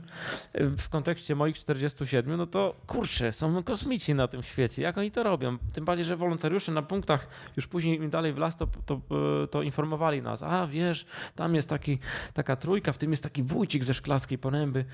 On, on już to skończył. Nie? I tak tworzyli taką atmosferę właśnie jeszcze większej niesamowitości tych osób. Jak później spotkałem na trasie Artura, to mówię, kurczę, nieźle, no z takim gościem lecę. Oczywiście przy tym trzecim y, podejściu to z Arturem może nie jest 20 km wytrzymałem, bo ja w ogóle nie byłem przygotowany, że można y, to pokonywać bez przerw. A Artur tak. Ja w Janowicach powiedziałem, no nie, to ja teraz idę do sklepu, muszę usiąść, zjeść, odpocząć. I to y, z czasem to moje doświadczenie rosło i wiedziałem, że przerwy w ogóle są zbędne. Później był taka była edycja, gdzie z Arturem biegliśmy do mety, znaczy to już później mieliśmy obaj kontuzje.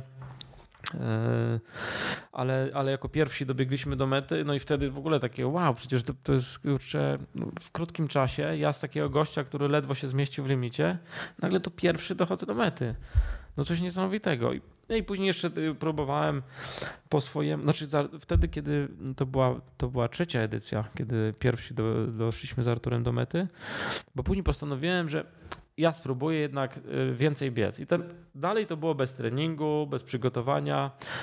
Y, moje przygotowania polegały na tym, że ja raz w tygodniu, raz na dwa tygodnie jechałem w góry, robiłem sobie takie 30 kilometrów. To wtedy już wyszło, że głowa jest najważniejsza. No i w, przy czwartej edycji yy, złamałem dobę. Złamałem dobę, a to wtedy też w opinii takich wielu zawodników było ciekawe, czy ktoś kiedyś spróbuje, ktoś złamie dobę. I to już mhm. od iluś lat wstecz była taka dyskusja, czy w ogóle da się na tej trasie złamać dobę. Ja wtedy dobę złamałem, zrobiłem 21 chyba i pół godziny, jak dobrze pamiętam. Yy, I mówię, kurczę, no chciałem dobę złamać. To taki wynik, ale wiedziałem, co poprawiłem mhm. i że ja dużo biegłem. Mhm.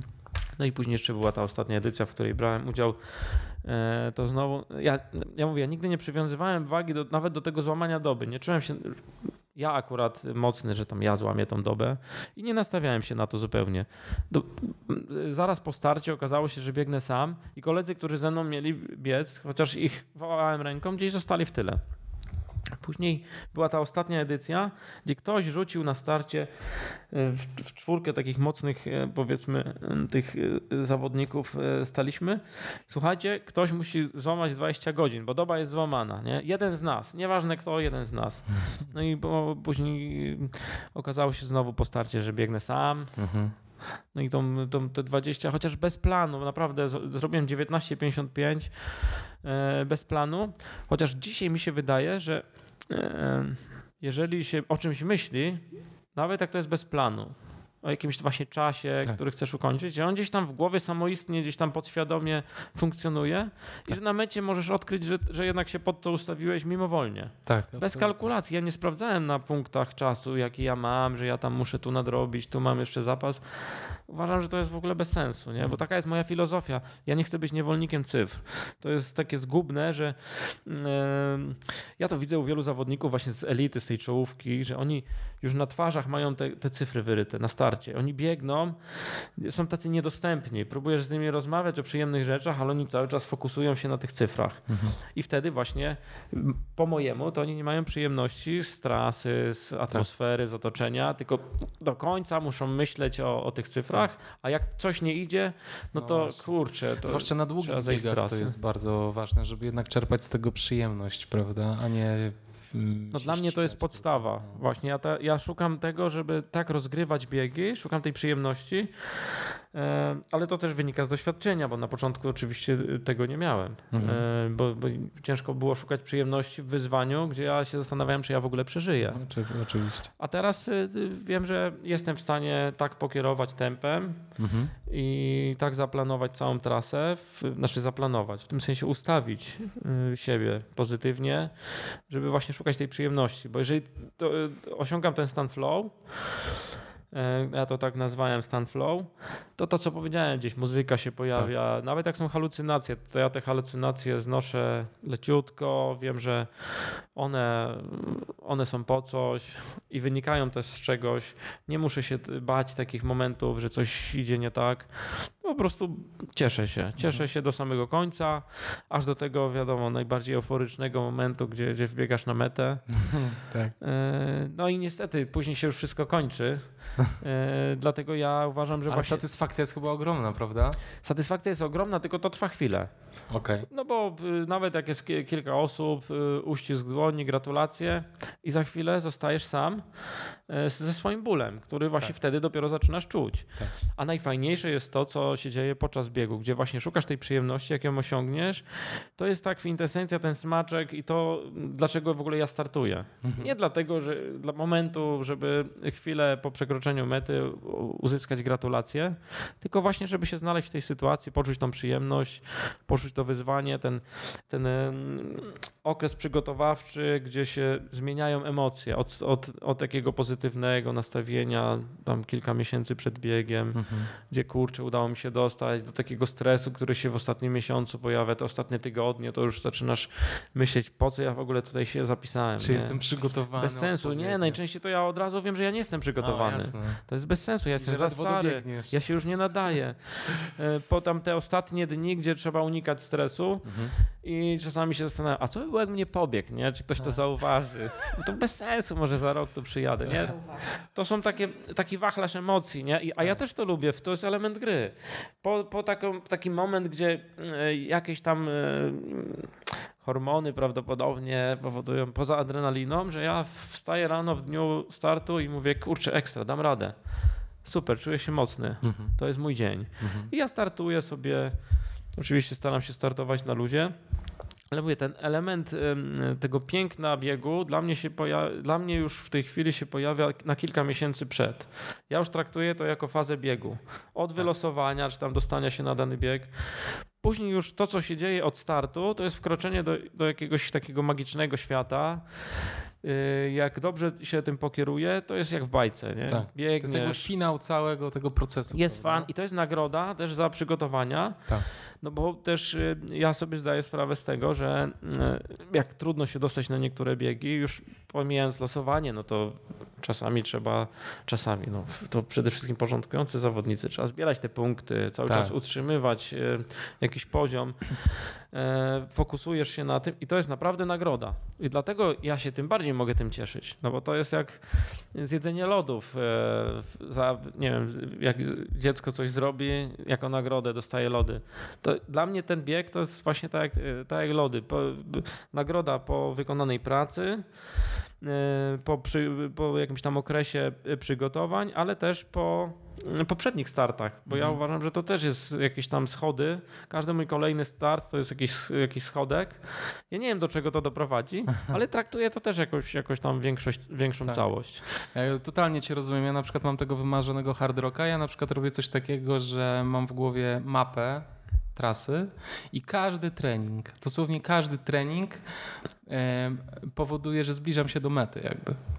E, I dla mnie sam start oczywiście będzie totalnie kluczową sprawą, ale tak naprawdę to już jest pochodna tego, co się zrobiło wcześniej i to wszystko jest ważne. E, Tak, tak, proces, bo no, przygotowania do takiego biegu są ogromne i, e, e, i dlatego postanowiłem w swojej głowie właśnie to tak ustawić i to mi bardzo, bardzo, bardzo pomaga. Także totalnie, totalnie rozumiem, o czym mówisz.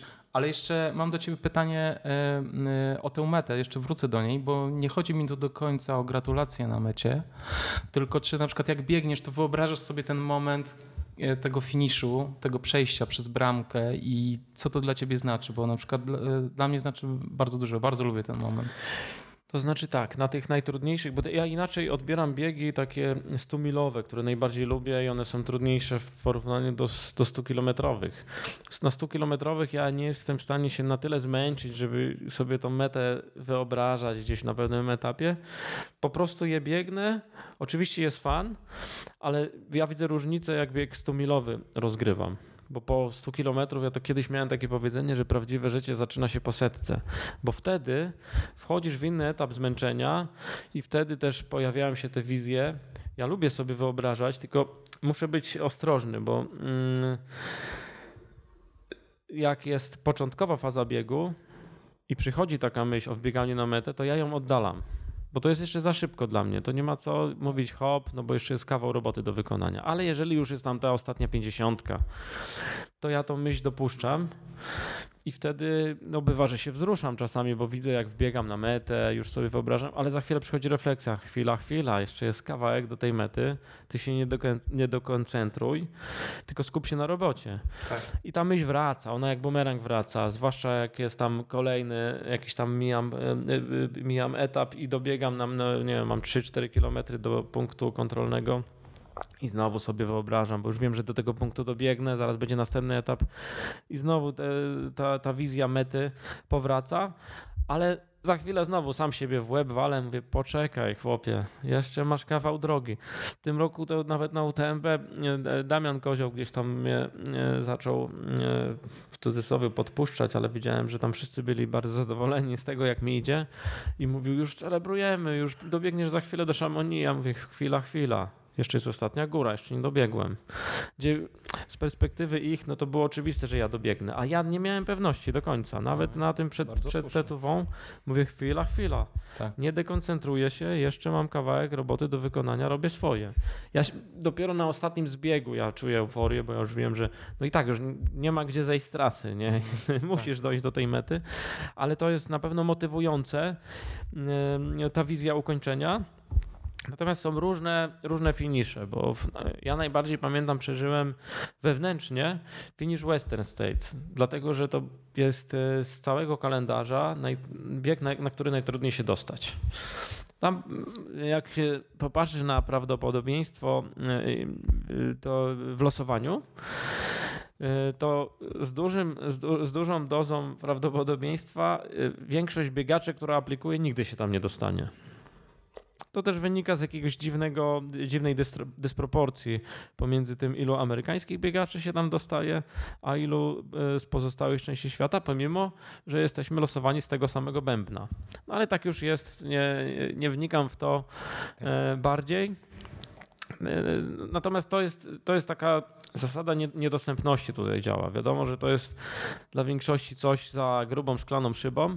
Jeżeli już dostaniesz się do środka, no to po pierwsze em, odczucia podczas takiego biegu są dużo głębsze. Frajda z tego, że w ogóle tam biegniesz, już stoisz na starcie, też jest e, kilka razy większa niż na innych biegach, a przede wszystkim to przekraczanie mety, którą ty sobie wyobrażasz e, jeszcze zanim w ogóle tam pojedziesz. Jak tylko cię wylosują, już widzisz siebie biegnącego tam po tej bieżni w Auburn Bieżni, tak. i myślisz, kurczę, co to będzie? Rozpłaczę się, nie wiem, e, klęknę. A najczęściej to jest tak, że tą metę ja sobie wyobrażam. E, u mnie wachlarz emocji to jest taki największy, jak już właśnie zbiegam i ta, ten ostatni downhill jest e, albo dobieg i już, e, już dociera do mnie, że ja osiągnę tą metę, no to ja wtedy się rozklejam, zamiast na mecie dopiero.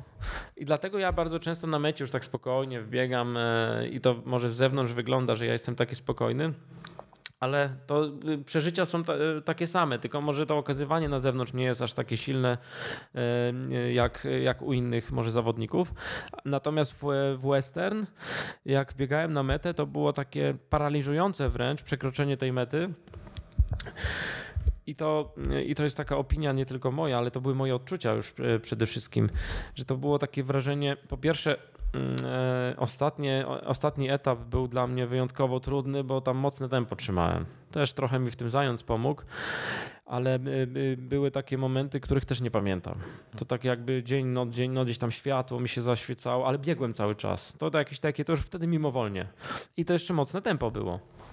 Nie potrafię powiedzieć, jak to się stało, ale na mecie już, już byłem świadomy w pełni, bo już od Robbie Point, jak już dotarło do mnie znowu właśnie ostatnia, ostatnia góra, dwa kilometry przed metą, yy, dreszcze mnie przeszły i ten yy, moment euforii, taka tylko była bariera, że próbowałem zbiegać jak zawsze szybko, ale już byłem tak wykończony, że sztywne nogi całkowicie nie pozwoliły mi na to ale ten moment w ogóle e, biegu po tej bieżni, może tak, przez to, że ja sobie wyobrażałem tyle razy to, że jak tam, że tam wbiegam jest super, to po prostu już było totalny odlot, takie dreszcze, ale nie zmęczeniowe, taka pozytywna euforia. I przekroczenie mety to było taki, taka taki jakby zastrzyk w, w kark mi ktoś wbił z, e, z uczuciem ulgi po pierwsze ulga, że to już koniec, ale taki stan szczęścia, że kurczę, właśnie to się stało, że to jest wielkie marzenie i, i właśnie to, się, to ja tu jestem, nie? Przekroczyłem metę i za chwilę patrzę w ogóle, że jeszcze taki niesamowity czas. Bo ja tego nie kontrolowałem, gdzie ja jestem, w którym momencie, nie? jeśli chodzi o, o, o tempo. Wiedziałem, że założenie było takie moje marzenie, żeby złamać dobę i tą klamrę zdobyć, no ale też nie mogłem od razu się tak nastawiać, bo, bo taka jest moja filozofia, że już, nie wiem, jakieś rozpisane punkty, czas nie, robić swoje. Uda się, to super, nie? Chciałbym, żeby się udało, ale nie za wszelką cenę. Natomiast kiedy już dociera do mnie na mecie, wtedy, kiedy dotarło, że po pierwsze dobiegłem i tak patrzę na ten zegar wstecz, mówię, ja pierniczę, to, to w ogóle niesamowicie szybko jak na mnie. A dzisiaj myślę, kurczę, tam zrobiłem błąd, tam zrobiłem błąd, może, chciałbym jeszcze raz spróbować. Tak, tak. poprawić ten czas, no jasne, to jest naturalne. Ale to, to jest taki finish, który na pewno był najsilniejszym przeżyciem dla mnie. Mhm. W... Pomimo, że meta na UTMB w Chamonix uchodzi za e, najpiękniejszą, najwspanialszą, najgłośniejszą, tak? To znaczy, to jest innego rodzaju odczucie, bo to, to, to, co w tym roku miało miejsce, to był dla mnie najpiękniejszy finish pod względem e, odczuwania e, tego właśnie tej atmosfery i kibiców. Nie? Ja miałem to szczęście, że chwilę po mnie kobiety najszybsze dobiegały, więc tam Szamuni było całe zgrupowane mhm. wokół tych barierek. E, no i pewnie też jeszcze w miarę wysoko. To była dobra pora, bo to było około 20 chyba, więc, więc taka pora, gdzie ludzie siedzą w knajpkach mhm. i jeszcze tych kibiców jest dodatkowo więcej. I ten hałas, który tam wydobywali ci ludzie, waląc rękami w barierki, krzycząc, no to było coś niesamowitego. To mocniejszego finiszu nie miałem, nie? bo na western y, przybiegałem gdzieś w nocy i tam było, nie wiem, 200-300 osób wokół mety i oni siłą rzeczy nie robili takiego hałasu, bo też dwie trzecie pewnie z nich to byli ludzie czekający na swoich finisherów albo Jasne. tam za ekipy poszczególnych teamów. Natomiast y, ja mówię o wewnętrznym przeżywaniu, tego, tego, tego osiągnięciu tego stanu właśnie takiego jakby mm, zastrzyku e, nie wiem, czy to morfiny, czy jakiegoś, jak, jakiegoś środka, mhm. który powoduje, że jesteś szczęśliwy. Mhm. A to było, to, czyli ten moment przekraczania mety. A w Chamonix to w tym roku, no jak zawsze zresztą, ale w tym roku najsilniej to czułem. To najpiękniejsze było dobieganie do mety. Bo, bo to, co powiedziałem, najczęściej to jest tak, przekraczasz metę, e, chwila szczęścia, no wiadomo, osiągnąłeś cel, ale e, wiesz, że za chwilę, no i, i, to z każdym biegiem to nasila się u mnie takie poczucie, no tak, za chwilę przecież będę musiał iść się wyspać, jak się położę, to nie będę mógł spać, bo mnie będzie wszystko bolało, mhm. bo mnie jeszcze nie boli, ale za 5-10 minut zacznie. Tak i zaczynam myśleć o tym, co za chwilę będzie. Nie? Dopiero okay. tam po dwóch, trzech dniach, jak jakieś klatki takie z filmu, zaczyna mnie gonić ten film, który nagrałem w, w trasie i zaczynam sobie układam, układać myśli i ja wtedy wiem, co się dokładnie wydarzyło. Wtedy jestem w stanie bardziej opowiadać o tym. Super. O, y, chciałem się jeszcze ciebie do, zapytać y, po tych wszystkich przejściach Kotliny Jeleniogórskiej, kiedy ty zacząłeś się tak naprawdę, kiedy wiedziałeś, że to bieganie to jest twoja rzecz i chcesz robić to UTWT i w ogóle? I ile imprez w Polsce zrobiłeś zanim się E, zdecydowałeś? Od przejścia do UTWT to jeszcze było trochę e, no, czasu. No Natomiast ja długo nie dopuszczałem do siebie myśli, że jestem biegaczem, chociaż brałem już udział w imprezach biegowych, ale w, ja wybierałem jedno, maksymalnie dwie imprezy w ciągu roku. Hmm. Ja, takich na przykład jak maraton karkonoski, to ja czytam maraton gór stołowych, to bardziej traktowałem zawsze jako treningi. Tak. Chociaż raz mnie Marcin Świerc podpuścił na maratonie gór stołowych, bo powiedział, że no jak złamiesz tu 5 godzin, to będziesz kozak. No i oczywiście złamałem i mówię, teraz mi musisz pogratulować osobiście. I jakoś tak to się zbiegło w czasie, że chyba od miesiąca już y, współpracowaliśmy. Y, być może chciał sprawdzić, y, jaki jestem mocny, mhm. ale to też biegnąc ten maraton, nie miałem w głowie, że ja muszę złamać te 5 godzin. To samo wyszło na mecie i miałem frajdę, bo musiałem go zobowiązać później, żeby mi pogratulował. Mhm. Natomiast ja nie miałem tak, takiego toku wtedy przygotowań, że tu startuję, tam startuję, to się wpisuje w jakiś plan.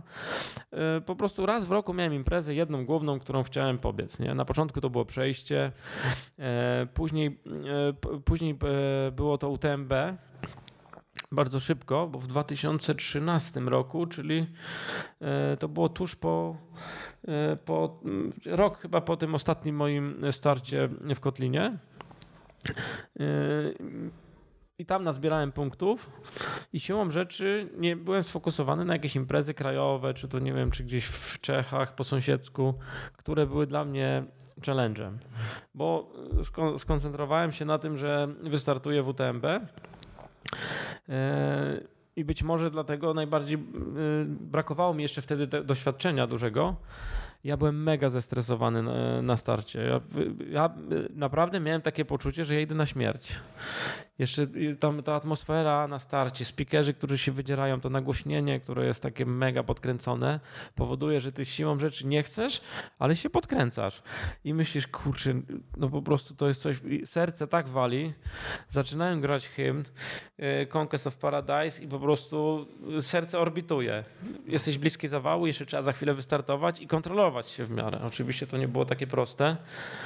Y, tak, Anita? No jeszcze jest jeden aspekt, y, te przemowy organizatorów, którzy y, zazwyczaj mówią, to, że tutaj jesteście, to jest znak, że jesteście dobrze przygotowani, że odrobiliście swoją lekcję.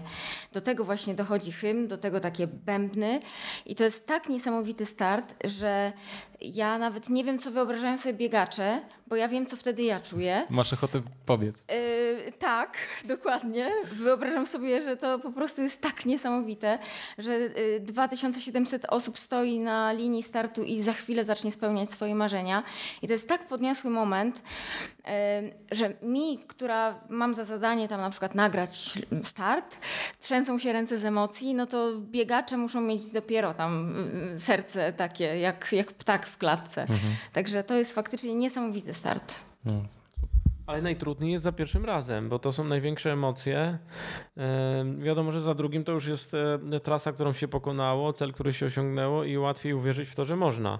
Za pierwszym razem to jest taka bariera i dużo pytań w głowie i przede wszystkim wątpliwości, czy ja się to nadaje. Tak jak ja powiedziałem, ja się nie zastanawiałem nawet bardziej, czy ja przebiegnę, czy, tylko czy ja przeżyję. No bo ja widząc te góry, tam siedzisz pomiędzy, pomiędzy wiesz, jedną e, granią a drugą i myślisz, kurczę, no przecież to będzie zabójcze. Mhm. I zawsze się zastanawiałem, to był dla mnie taki mm, trochę fenomen, czego my się w ogóle boimy, nie? No przecież coś się stanie złego, jak zejdę z trasy wtedy tak myślałem, no przecież skąd ten stres? Dlaczego ja mam prawie zawał? Ale później cza z czasem sobie e, uświadomiłem, że najbardziej to się boisz porażki sam przed sobą. Bo to, że tam inni powiedzą pewnie najczęściej to poklepią cię po ramieniu, dobra, stary, nic się nie stało, spróbujesz jeszcze raz. Ale jest jakaś taka bariera psychiczna i obawa, że jak zejdę, no to co, okaże się słabym człowiekiem, źle to rozegrałem. No ja się zawsze tego, tego bałem najbardziej, że co to będzie jak zejdę, co to będzie jak zejdę, nie? I to może też mnie motywowało, że, że nie chciałem tego momentu, mhm. żeby to się stało. No i jakoś tak udawało mi się, chociaż to pierwsze UTMB rzeczywiście było trudne. Jeszcze wcześniej biegłem Transwulkanie, to był pierwszy taki światowy bieg. Naprawdę wtedy to były takie lata, że przyjeżdżała ścisła światowa czołówka tam robić sobie taki wstęp do sezonu. E, no ale to też, no, bieg bardzo trudny, chociaż... Tam było 125 km? Nie, nie, nie, tam było na początku oficjalnie 87, ale Aha. później nawet Ian Corles się śmiał, bo w ciągu roku zmniejszyli dystans e, o 10 km, nie zmieniając trasy, czyli po prostu dobrze ją przemierzyli. No tak. I tam jest 78 km, innego rodzaju tam są trudności, też tam miałem halucynacje. Eee, i, i, ciekawe zdarzenia. E, natomiast. To, to, tak szybko masz te halucynacje w sensie. No ale e, tam mnie słońce przysmażyło. A, okay. Tam byłem, e, tam sobie nie zdawałem sprawy, że do, do 50 km było ok i zaczął się zbieg z tego najwyższego szczytu Los Muchachos i mega upał. Tak jak na patelni, bo to ta akurat ekspozycja południowo-zachodnia, że słońce wali ci prosto w głowę, nie ma cienia mhm. i szybko okazuje się. Wtedy się przekonałem, jak szybko działa słońce i upał na organizm. No bo tam stojąc u góry myślisz, a tam kilkanaście kilometrów to jakoś pociągnę. Nie, to się, to się tak szybko zmienia, jak źle się odżywiasz, źle, na, źle się nawodnisz. To jest moment i nie wiesz, że jesteś już prawie po drugiej stronie i im dlejesz, nie? Mhm. E, dobrze, że powiedziałaś o upale, bo bardzo chcę cię wypytać o maraton piasków. Sześcioetapowy bieg 250-kilometrowy. E, jak wspominasz go? Bo po pierwsze to powiem e, o przygotowaniach, bo ja mhm. pomimo tego, że już trochę tych biegów odbyłem e, i wydawało mi się, że już w miarę jestem w stanie bezstresowo się przygotowywać, to akurat do, przed maratonem piasków byłem mega zestresowany. Dlatego, że to wiedziałem, że będę biegał w zupełnie nowych okolicznościach, e, przyrody przede wszystkim E, i e, nie wiem e, zupełnie czego się spodziewać. Wiedziałem, że niezbyt lubię biegać po piasku, mhm. bo nawet odcinki takie jak na Gran Canaria przy starcie, no to dla mnie gdybym może więcej potrenował i oswoił się z taką nawierzchnią, może mniej bym się stresował. Dla mnie to coś katującego stopy i kostki. No i ten dodatkowy wysiłek, bo to praktycznie dwa, trzy razy tyle siły trzeba włożyć, jak, tak. Zwłaszcza jak są jakieś pochyłe odcinki. I ten okres przygotowawczy w tym roku, gdzieś dwa miesiące przed, ja się już zacząłem stresować tym. Po pierwsze, czy, jest, czy w ogóle dam radę, czy jestem przygotowany, a co to będzie. E, plus niesamowicie duża lista rzeczy, które musiałem skompletować. Mm, no tam każdy gram miał znaczenie, po to, żeby ograniczyć do niezbędnego minimum wagę plecaka. Ile ważył twój plecak finalnie? Przy odprawie 7600, 7 kg 600, gdzie mógł 6,5. Mhm. E, na, na, natomiast tam całe szczęście wziąłem ciut więcej żeli i batonów, bo później mi się to przy, przydało mhm. E, podczas najdłuższego etapu i maratonu. To jeszcze powiedzmy od razu, że to jest bieg, gdzie wszystko musisz mieć ze sobą, a organizator dostarcza ci tylko wodę, tak? Tylko wodę w limitowanych ilościach i e, nocleg pod czymś, co nawet nie jest namiotem, tylko taką płachtą z czarnego koca mhm. podpartą na kilku drewnianych patykach. Taka prowizorka i mm, wiadomo, że, mm, czy znaczy wiadomo, no ja już wiedziałem z relacji, ale doświadczyłem tego, że na pustyni cały czas wieje wiatr. Czyli ten namiot spełnia funkcję taką bardziej osłaniającą od słońca w ciągu dnia, a że w nocy i tak przez ten namiot będzie wiatr y, wiał. Ale tak, jak powiedziałeś, wszystko trzeba mieć skompletowane na cały tydzień. Przede wszystkim jedzenie jest tutaj kluczowe. Musisz mieć jedzenie na cały tydzień. Ciuchów, no ja za dużo nie miałem na przebranie, właściwie biegłem w jednym komplecie, plus miałem na noc E, bluzę jedną przeciwwiatrową i taką z długim rękawem, no bo rzeczywiście różnica temperatur między dniem a nocą na pustyni jest, jest spora i w nocy było zimno. Jest taka, jest też noc, taka, taki dzień administracyjny, to może warto wspomnieć, bo pewnie mało ludzi sobie zdaje z tego sprawę. E, zaczynając od tego, że, że tak, muszę poukładać tą wypowiedź, że skompletowałem wreszcie po, po dwóch miesiącach przygotowań ten ekwipunek. Niezbędny. Y, Anita mi pomogła jako dietetyk też w przygotowaniu jedzenia. Y, to jest, to jest właśnie kluczowe. Jedzenie na biegach ultra, ale na pustyni szczególnie, żeby zabrać rzeczy, które, które po prostu wchodzą człowiekowi, że nie brać nowości, niesprawdzonych rzeczy. Tam nie ma sklepów, więc y, jesteś zdany na to, co masz przy sobie. I trzeba też zróżnicować smak. Nie może być tak, że codziennie jest to samo, bo po trzecim dniu najzwyczajniej w świecie będziecie odrzucało a jak nie ma przyjemności jedzenia, to później też e, bywa, że e, to widziałem u nas w namiocie. Był jeden kolega, który e, pierwszego, drugiego dnia chwalił rodzaj mm, jedzenia, który wziął, ale wziął to samo. I trzeciego dnia już nie mógł tego przyjmować, bo, no bo go modliło. Odpowiednia kaloryczność, ja się na tym nie znam, nie umiałbym tego policzyć, ani tam i całe szczęście to wszystko zbilansowała, miałem rozpisane co do mm, kilokalorii z lekkim zapasem. Czyli ile kalorii miałeś ze sobą? Tam powinno być na każdy dzień regulaminowo 2000 kilokalorii. Ja miałem od 2200 do 2500, chyba mhm. naj, naj, największa kaloryczność.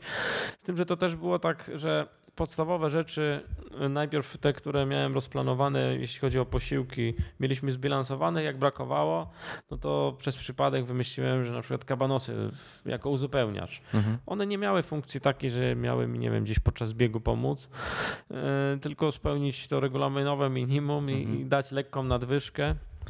Ale to też chyba fajnie przełamuje smak, prawda? Tych słodkich żeli na przykład. Y, żeli za dużo na pustyni nie wziąłem, nie bo żele ważą więcej niż inne elementy. Okay. Jak najwięcej suche jedzenie przede wszystkim, Aha. dlatego że temperatura w plecaku ma 50 stopni tak, tak średnio w ciągu Aha. dnia i to nie mogą być rzeczy, które się łatwo zepsują.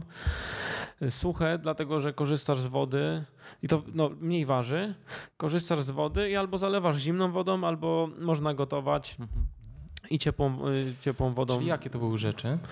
Tak ciekawe. To były na, śniadanie to najczęściej były mieszanie, mieszanki płatków y, różnych y, z suszonymi owocami, z suszonymi pomidorami, albo z, z, tam było mleko kokosowe w proszku na przykład. Na te ciepłe posiłki to albo były kuskusy, miałem kilka takich e, liofilizowanych e, ciepłych posiłków, rzeczywiście też niedużo, ale takich, takich bomb kalorycznych. I one też, no ja miałem trzy posiłki jednego rodzaju i ten trzeci już mi źle wchodzi. Pierwszy był, byłem zachwycony, a ten trzeci już mi źle wchodził, chociaż one nie były dzień po dniu przyjmowane. E, miałem kabanosy, miałem orzechy makadamia i miałem trochę, miałem żeli rzeczywiście całe szczęście, miałem nie brać w ogóle, ale gdzieś tam mówię dla pewności wezmę, zobaczę ile ten plecak e, będzie finalnie ważył na odprawie, albo wezmę, albo nie. I coś mnie podkusiło po, e, po tym, mówię, wyrzucę po, tej, po tym ważeniu kontrolnym, ale stwierdziłem, może się jednak przydadzą i miałem rację, bo na na, na drugim etapie, pierwszy był dosyć łatwy, przekonałem się, że jednak kurczę, muszę mieć jakąś, jakiś zastrzyk energii, bo w tym upale e, po 10-15 kilometrach zaczynam czuć, że mi brakuje energii, pomimo tego, że tam mam jakieś snaki, ale batony nie dają tak szybko energii e, jak żele. Mhm. I najbardziej się bałem tego drugiego etapu, i też miałem tych żeli ograniczoną ilość. Miałem zaplanowane w ogóle cztery żele na ten długi etap, ale później mówię tak, po tym będzie jeszcze maraton. Y, jak tu się dzieją takie rzeczy ze mną, jakie się działy, a, a, czułem spadek energii bardzo często, to muszę przynajmniej jednego żela na maraton. No może to tak z punktu widzenia maratończyka dziwnie brzmi, że jeden żel sobie zaplanowałeś, ale nie miałem więcej. Gdybym miał więcej, to bym wziął może ze trzy. Musiałem to podzielić. Musiałem przełożyć żel, który miałem na długi etap też na maraton i zostały mi trzy żele na 86 kilometrów. No więc uzupełniłem to jakimś batonem i orzechami makadamia i rzeczywiście tam akurat, gdzie miałem zaplanowany y, baton energetyczny, tam miałem taki dołek, że zwolniłem, taki no, mhm. biegłem, ale, ale dużo wolniej musiałem przetrawić, ta energia musiała przyjść ale y, wiedziałem, że jeszcze kawał drogi przede mną i nie, nie zdecydowałem, że wezmę żela, no pewnie miałbym później większe kłopoty. Mhm. Później dobiegłem spokojnie do, do tego momentu, gdzie, gdzie, gdzie żel jako nagroda, tak ostatni żel 20 km przed metą przyjąłem i, i dzida, ale to był mega trudny etap, e, już pomijając wyżywienie, to był najtrudniejszy etap, nie ze względu na długość, ale pierwsze z tych 86 km, pierwsze 65-66 to było właśnie po takim luźnym piasku, mhm. wydmy, pagórki i to, to po prostu było tak wyniszczający organizm. Mhm że jak w końcu się, y, y, był, w końcu się skończył ten piach i było 19-20 kilometrów do mety po takich w miarę twardych, po takiej drodze, mhm. E, po której też jakieś te GP organizatorów jeździły, to zaczął wiatr wiać, bo, bo się zaczęło robić, zaczął się robić zachód słońca i wiatr zaczął silny wiać, ale centralnie w twarz. E, ja być może dlatego, że e, jakby ustawiałem się pod wiatr i byłem lekko pochylony, miałem wrażenie, że pod górę biegnę. Cały czas wydawało mi się, ale mówię, no niemożliwe, tu nie ma takiej góry, tyle kilometrów biegnę pod górę, ale na zegarek co chwilę patrzę, w ogóle mi się wysokość nie zmienia. I na mecie byłem totalnie wypruty. Hmm. Doczłapałem jakoś do namiotu, właściwie namiotu nie było, bo tam e, ten wiatr spowodował, że ileś namiotów w obozie położyło. Gedyminas tylko taki zrezygnowany siedział już tam i, i narzekał, że właśnie namiotu jeszcze organizatorzy nie postawili, chociaż prosił, ale jakoś tam nie mogli tego ogarnąć. Taka była trudna sytuacja. I ja do niego powiedziałem wtedy, że słuchaj, ja kończę z bieganiem, nie nadaje się do tego. Tak się czułem, nie? Byłem tak, ja po UTMB się lepiej czułem, po każdym UTMB niż po tym etapie. Mhm. Mówię, słuchaj, ja nie wiem, czy ja biegnę, może tam dojdę sobie ten maraton, raczej bieg nie będę. Ja się do tego nie nadaję, ja jestem za stary. Skoro 86 km mnie tak e, zniszczyło, mhm. to jest znak, że to jest koniec. Że to już nie jest dla mnie. Mówię spokojnie, ja się też tak czułem, połóż się, poczekaj, przejdzie tam 20 minut, to już będziesz się czuł lepiej. I rzeczywiście tak było. Ale to poczucie to byłem tak wy, wytarmoszony, pomimo tego, że już trochę biegów przecież skończyłem no tak. i doświadczenie jakieś mam, no to to mi dało w kość. I, ale wracając do tego, co mówiłeś, to też był etap, który mm, ja już byłem w pierwszej 50, więc e, my byliśmy puszczeni 3 godziny po wszystkich w południe, no to parę minut dokładnie przed południem, w największym upale. Mhm. Myśmy wypijali przed startem, czekając, e, bo oczywiście to było tak, że główna grupa wybiegła o dziewiątej i e, cały obóz został zwinięty, więc my mieliśmy tam e, chyba jeden czy dwa namioty stały, a grupa była 50 osób i nie wszyscy tam w tych namiotach e, się mieścili, więc myśmy chodzili czekając na start, nic tam nie było. Dopiero na sam moment startu przyleciał dyrektor biegu helikopterem, powiedział, no nie macie już tu bramy, tu jest umowna linia. Znaczy ona była tam taśmą taką, wy, wy, ten, mhm. stąd będziecie startować, ustawcie się. Ale do momentu startu to ja chyba z 3 litry wody wypiłem. Jejku.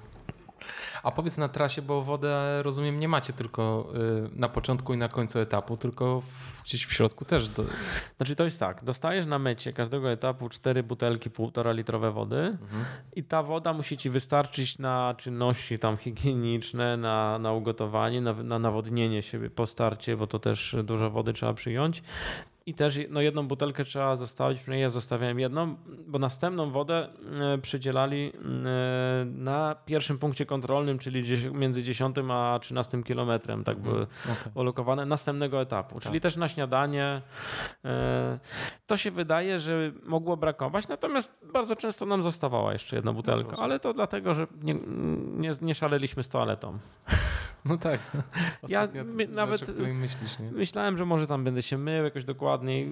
Troszkę wody rzeczywiście nawet sobie nie zdajemy sprawy, jak mało wody wystarcza, żeby nawet, nie wiem, wypukać y, y, kurz z głowy, umyć mhm. zęby, umyć twarz.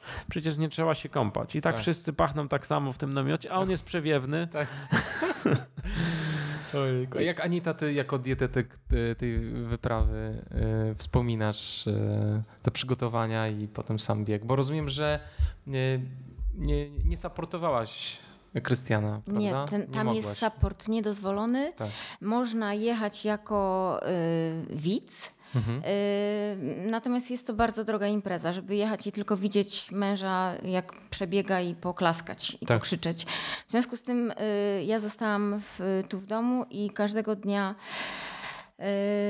przeżywałam to samo, mhm. czyli, czyli yy, bardzo duży stres, tym bardziej, że yy, jak jestem podczas biegu i widzę Krystiana co jakiś czas, to mam wrażenie, że kontroluję sytuację, czyli że mam na nią jakikolwiek wpływ. No jest to, jest to takie tylko teoretyczne jakby odczucie, bo wiadomo, że wszystko rozgrywa się w głowie i w mięśniach Krystiana. Natomiast sam fakt, że ja na jakimś biegu jestem, czuję się lepiej, bo wiem, że gdyby coś się stało, to ja jestem blisko. Tutaj było inaczej. Normalnie chodziłam do pracy yy, i działy się w pracy, jak to w pracy, różne yy, sprawy bardziej i mniej istotne, a w międzyczasie ja yy, ukradkiem sprawdzałam, co tam się dzieje i pamiętam taki dzień, y, kiedy Krystian, kiedyś system się zawiesił, ja byłam wtedy w delegacji i odchodziłam od zmysłów, bo nie wiedziałam, naprawdę co się dzieje. Wygl... zawiesił się system. To był ten etap, gdzie nas trzy godziny później wystartowali i dużo ludzi miało obawy, co się dzieje. Bo kropka na, na mapie nie przemieszczała się, no tak. a myśmy po prostu czekali trzy godziny na nasz start. A. I to było stresujące, ale no. przecież nie, nie mogliśmy się komunikować w żaden sposób. Oczywiście. I nie było, nie było, Zasięgu tam nie, nie było. Nie było żadnej, żadnej informacji, było to strasznie stresujące. Mhm. Ja, ja, właśnie nie pamiętam, czy to był ten dzień, czy, czy dzień wcześniej, bo pamiętam, że wysiadłam z auta, odświeżyłam stronę i zobaczyłam, że Krystian już jest na mecie. I po prostu to było najpiękniejsze odczucie tego dnia, bo wiedziałam, że już jeżeli dobiegł, to znaczy, że jest bezpieczny, wszystko jest w porządku i, mhm. i okej. Okay. Natomiast jeżeli chodzi o te przygotowania dietetyczne, to była y, y, taka matematyka, bo z jednej strony są oczekiwania ze strony organizatorów, y, które mówią minimum 2000 kalorii, z drugiej strony Wiemy, że 2000 kalorii dla y, człowieka o takich parametrach fizjologicznych to jest zdecydowanie za mało jeszcze tak. przy takim wysiłku. I to było, y, to, był tak, to było takie balansowanie. Z jednej strony y, Krystian mówił, to musi ważyć jak najmniej, z drugiej strony to musiało mieć jak najwyższą kaloryczność i y, szukaliśmy rozwiązań. Y, y, ja nie ukrywam, że robiliśmy takie testy w domu. Ja szykowałam jakiś posiłek, który miał potem zostać, który Krystian miał wziąć na, na trasę i robiłam takie testy. Zalewałam to zimną wodą, zalewałam ciepłą wodą, mówiłam gorącą i mówiłam, tu jest na zimno, pół godziny, a tu jest y, zalane na ciepło i od razu. I próbuj, które lepsze, nie? Czy to się da zjeść zalane zimną wodą? Dlaczego? Dlatego, że teoretycznie się da, ale on musiał to tutaj y, przetestować, żeby żeby nie było po prostu żadnej, żadnej wpadki, bo Krystian nie mógł wziąć niczego, co mógłby tam wyrzucić, no co no tak. mógłby czego mógłby nie wykorzystać. Więc y, no, y, szuka, szukałam takich rzeczy, które są bardzo kaloryczne, odporne na na temperaturę i możliwe do przygotowania tam na miejscu. No i chyba się udało, bo, bo w, sumie, w sumie to Krystian potem chwalił, że, że wszystko było ok. Super robota. Jedyny aspekt, który w praniu wyszedł, że jest nierealny, czyli już tam na miejscu do wykonania, to był taki, że były zimne posiłki, które Anita powiedziała, że pół godziny to jest za mało, żebym zalał wodą, żebym zalewał wieczorem przed, mhm. przed śniadaniem następnego dnia. Natomiast okazało się, że tam ten wiatr jest tak. E, ciągły, bez przerwy wieje i nie jestem w stanie zostawić butelki z, z nasączonym jedzeniem, zalanym wodą do następnego rana. Po prostu ona się przewróci, wiatr ją zabierze. Mhm. Jedyne co mogłem zrobić to rano, ja to wkładałem butelkę do buta, żeby się nie przewracała, zalewałem, robiłem jakieś inne czynności, czekałem pół godziny i jadłem śniadanie. Okay. Bo śniadanie to była e, czynność, którą chciałem zrobić jak najszybciej, dlatego że tam 8.39 najczęściej był start, nie chciałem z pełnym żołądkiem ruszać, więc jak ktoś będzie startował, to już mówię, że raczej wieczorem nie zaleje jedzenia. A znaczenie ma też to, że faktycznie yy, yy, część rzeczy nadawała się wyłącznie do, do, do robienia na gorąco. I to trzeba tak też za, było zaplanować, że Krystian wiedział, że wieczorem na przykład będzie miał siłę rozpalić sobie ognisko albo tam zrobić tą wodę ciepłą po to, żeby to zalać, albo y, rano będzie miał czas, to, to wszystko trzeba było tak też do, dopasować, mm, y, bo każdy dzień to był spakowany w osobną paczkę, żeby też mhm. Krystian nie musiał wiedzieć, aha, to jest ten dzień, a to tamten, tylko miał takie pakiety całodniowe i wiedział, że o, to otwiera worek z dniem numer jeden i tam było wszystko. Mhm. Y, I faktycznie musieliśmy to też dostosować do tego, mm, do całej tej agendy powiedzmy, że tutaj będzie na przykład dłuższy etap, więc być może będzie miał więcej czasu, być może tutaj jest krótszy, więc będzie y, bardziej świeży i będzie miał siłę na ten, na ten ciepły posiłek, no bo ta ciepła woda też nie, no nie, nie, nie pochodziła do organizatorów, musiał Krystian ją, o nią sam zadbać. Tak, Także to było też Ja jeszcze powiem, że po tym, po tym najdłuższym etapie też miałem zaplanowane posiłek i ciepły i jeszcze później snaki jakieś wieczorne, ale jak padłem w tym namiocie, to ja nawet przez pierwsze dwie godziny nie miałem siły, żeby się napić wody. Mhm. Po prostu byłem tak e, już e, wyczerpany, że padłem i chciałem po prostu odpocząć. Dopiero po dwóch godzinach wstałem, zacząłem sobie robić jakieś picie, e, a jedzenie to dopiero następnego dnia. I jakiej długości są te etapy, powiedz? Pan, pamiętasz mniej więcej? Tak, pamiętam. To pier- te najkrótsze one są, bo to jest taki schemat biegu wieloetapowego, który też jest powielany w, w innych częściach świata, że pierwsze trzy etapy to są między 30 a 40 kilometrów. Później jest najdłuższy, który ma najczęściej między 80 a 100. W tym roku to było tak, że pierwszy miał 30 kilometrów, drugi miał o ile dobrze pamiętam, 38 albo 39. E, trzeci było znowu jakieś 32 i ten najdłuższy miał 86. Później e, zawsze jest maraton, czyli równo dystans maratonu 42 z małym haczkiem. No i później zostaje y, charytatywny bieg, charytatywny etap, gdzie już nie jest klasyfikowany, to już właściwie jest przyjemność po to, żeby przejść, ale też trzeba go pokonać y, pod y, wymogami regulaminu. Też może się zdarzyć kontrola, trzeba mieć świadomość, że nawet można zostać zdyskwalifikowanym, jeżeli czegoś tam się nie spełnia. Kary tam są surowe, łącznie z tym, że nawet jak ktoś źle zarządza energią i będzie musiał przyjąć kroplówkę, to pierwsza kroplówka to jest dwie godziny kary czasowej, a druga to już jest dyskwalifikacja, więc to mhm. też jest e, po to, żeby ludzie dobrze zarządzali swoimi siłami. Mhm. Super. Natomiast te, te, też etapy są poukładane nie, nie tylko długością, ale też to jest taka przeplatanka trudności. Pierwszy etap, pamiętam, był bardzo łatwy i bardzo szybki. To nawet taki czas jakiś wykręciłem, dla mnie byłby to super czas po, po płaskim, po asfalcie. Drugi etap, który nie był przecież też jakoś bardzo długi, ale to był wyjątkowo trudny E, dzień, dlatego że tam się pojawiły wspinaczki. Ja nawet nie sądziłem, że na prawie pionowej ścianie potrafi się piasek po kolana trzymać. Hmm. To było coś niesamowitego i tam wejście było potwornie trudne na taką górę Jebel od fal. Zbieg, no powiedzmy, był przyjemny w miarę, pomimo tego, że po tym piachu. E, I później następnego dnia, na trzecim etapie, robiliśmy tą samą górę, ale, ale od innej strony e, na nią się wspinaliśmy i to było wtedy tego dnia trzecie pasmo górskie do pokonania. I odkryłem, że ta sama góra z drugiej strony no weszła po prostu przyjemnie Ostatnie tylko parę metrów było wspinaczki takiej po linie i po piasku. No, trzeba było korzystać z liny, bo ta podłoże uciekało cały czas spod nóg. Tak. No to tam może z dwa razy przekląłem. E, ale generalnie to był e, bardzo przyjemny etap, czyli po tym trudnym znowu łatwiejszy. I kolejny właśnie ten mega trudny, naj, najdłuższy etap. To ja nie sądziłem, że mnie 86 km jest w stanie tak mhm. sponiewierać. Mhm. No i później maraton, znaczy to też jest ciekawostka, bo yy, ja byłem przekonany, że jestem tak zniszczony, że ja sobie naprawdę przejdę ten maraton. Tam był limit jakiś czasowy, długi, można było śmiało przejść. Natomiast zyskałem jeden dzień przerwy, bo ten długi etap był rozpisany na 35 godzin, więc yy, jak to pokonałem w 10,5 godziny, to miałem cały następny dzień na regenerację. I ja stwierdziłem następnego dnia, że ja się w ogóle nie regeneruję, bo mnie wszystko boli, ledwo chodzę, czuję się nawet gorzej. I cały czas byłem przekonany, nawet w dniu startu tego maratonu, że ja nie dam rady, bo ja fizycznie jestem zniszczony, moje mięśnie są w takim stanie, e, że ja będę zmuszony iść.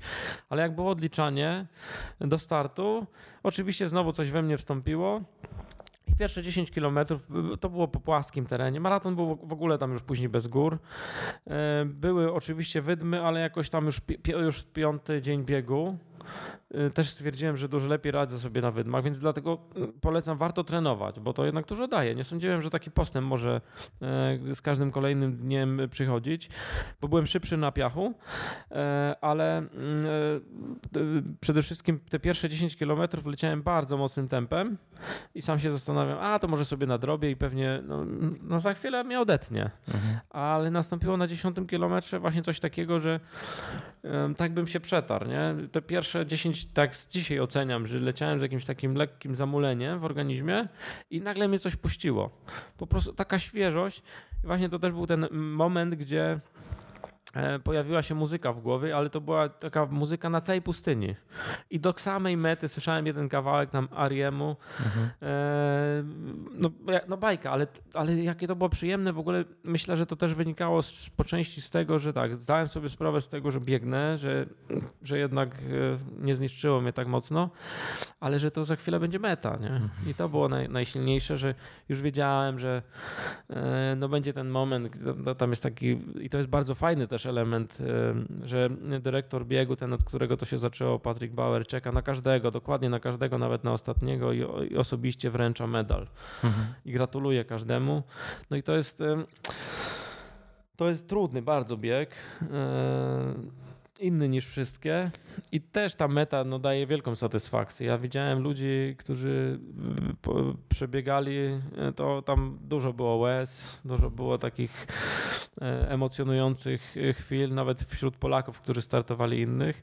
Jedną rzecz zapamiętałem, Maciek też Pawlicki, który biegł mm, w tym roku, jak już później po mecie, po tym maratonie siedzieliśmy w namiocie, przyniesiono nam e, e, maile, bo tam system komunikacji wygląda w ten sposób, że raz można jednego, znaczy więcej można wysłać, ale nie ma czasu, żeby czekać. Czeka się w kolejce do namiotów, gdzie są komputery i można wysłać maila jednego.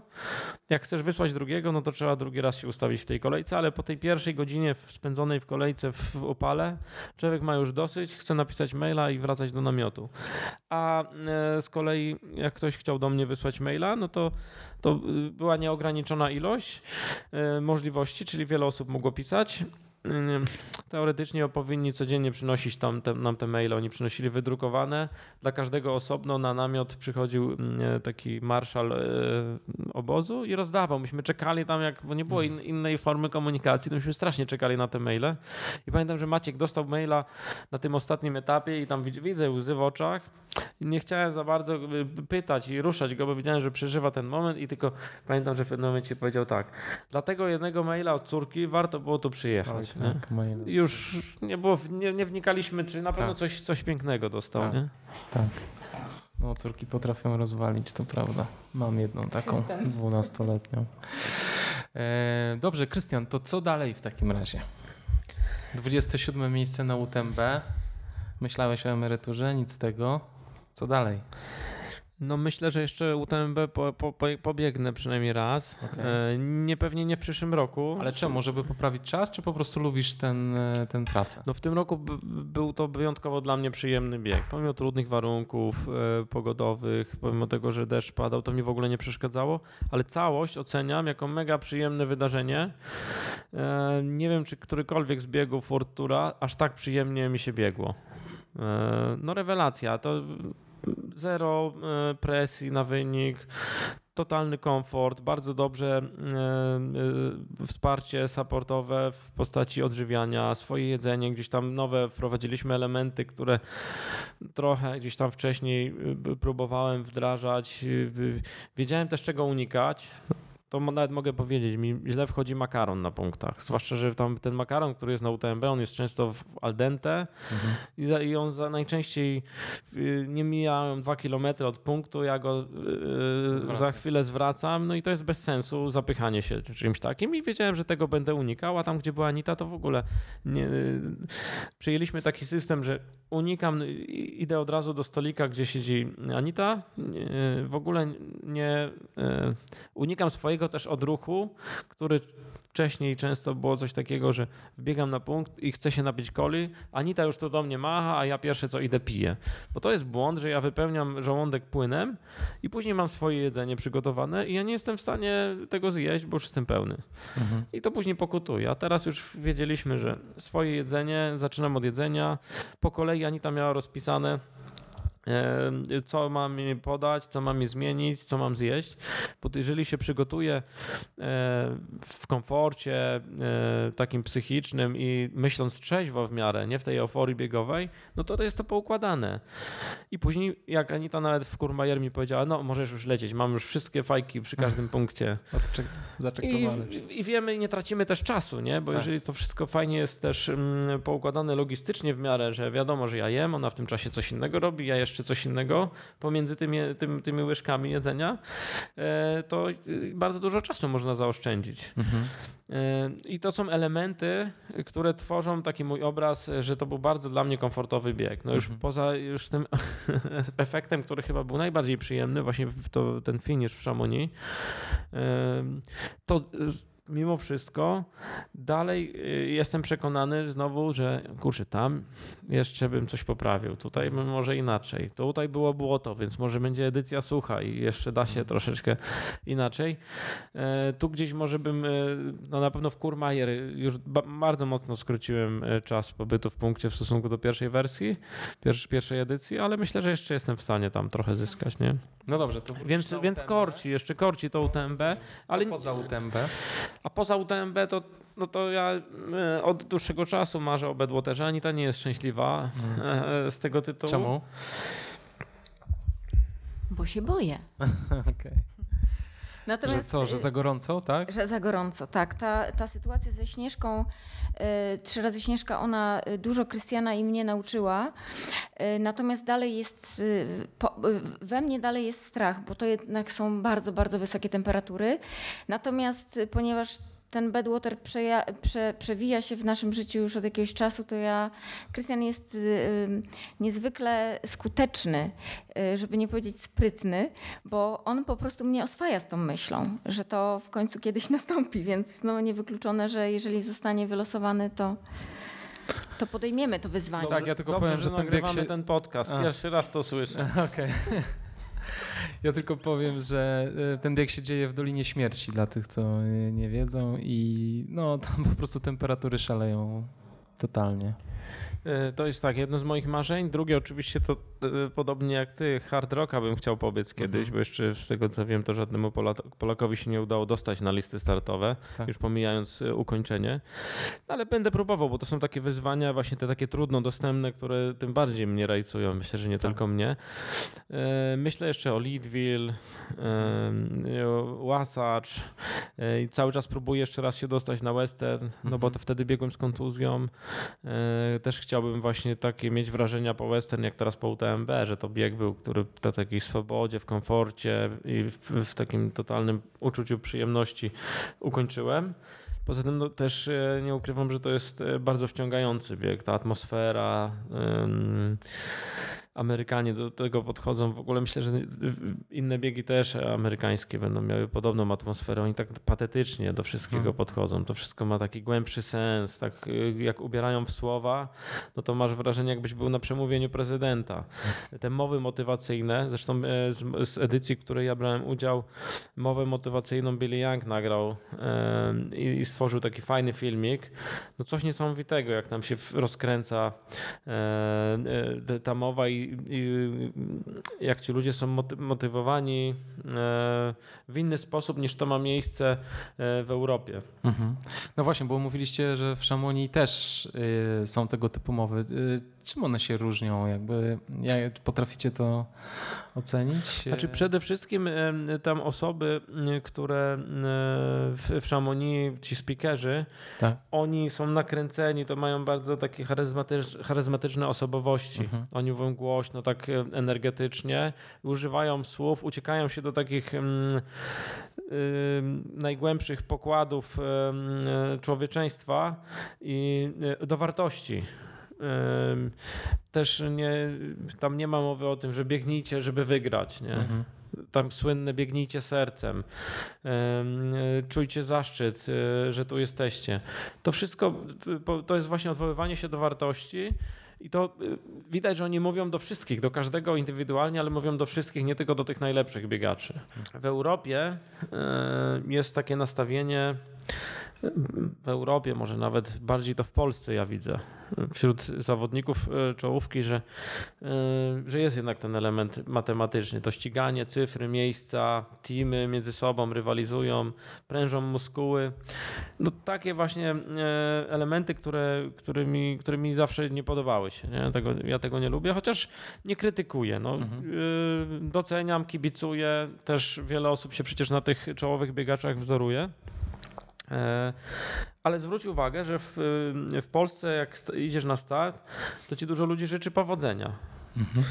E, natomiast w, Stanach, kiedy chyba dwa czy trzy dni przed biegiem, e, no ja tam byłem zestresowany tą swoją kontuzją, ale spotykałem ludzi przy, przy, przy starcie tam w okolicach Expo, chociaż to bym Expo nie nazwał, biuro zawodów.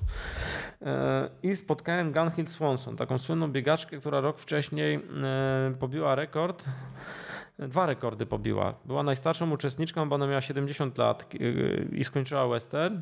Natomiast drugim jej rekordem był rekord odległości do limitu. Bo ona wtedy miała chyba 6, przepraszam, 4, 4 minuty albo 5 minut przed limitem wbiegła na metę. To w ogóle fajnie się ogląda tę relację filmową z tego, bo jak ona biegnie, przepraszam, nie minuty, sekundy. To było 5 sekund przed limitem. Jak ona biegła po bieżni, mhm. to ja jak pierwszy raz to widziałem, byłem przekonany, że ona nie zdąży. I to właśnie były tak silne emocje, bo generalnie ta ostatnia godzina to tam jest golden hour. Wszyscy, którzy mają siły, są wtedy i kibicują tym ostatnim biegaczom. Mhm. I jak spotkałem Gunhill Swanson, rozmawialiśmy o biegu, jej gratulowałem i mówię, słuchaj, to ja ci życzę powodzenia. I ona wtedy powiedziała właśnie coś ciekawego, co uświadomiło mi, czym się różni podejście amerykańskie do, do europejskiego czy też polskiego. Ona mówi, e, nie życz mi powodzenia, to jest bez sensu. My tutaj sobie w Stanach nie życzymy powodzenia. Powodzenia to może życzyć komuś, kto idzie na egzamin albo nie wiem, y, idzie y, na loterię i ma szczęście albo nie. To nie chodzi o to, że ja mam mieć szczęście. Ty mi życz, żebym ja się dobrze bawiła. Dlatego, że y, i, i tak zaczęła do mnie mówić, słuchaj, to już to, co miałeś zrobić w przygotowaniach, zrobiłeś. Więcej już nie zrobisz. Jeżeli tu jesteś, to znaczy, że mm, jesteś przygotowany. Teraz y, ty nie możesz się zastanawiać, czy skończyć, czy nie. Ty musisz się bawić, więc enjoy. I y, nie good luck, tylko enjoy. Mhm.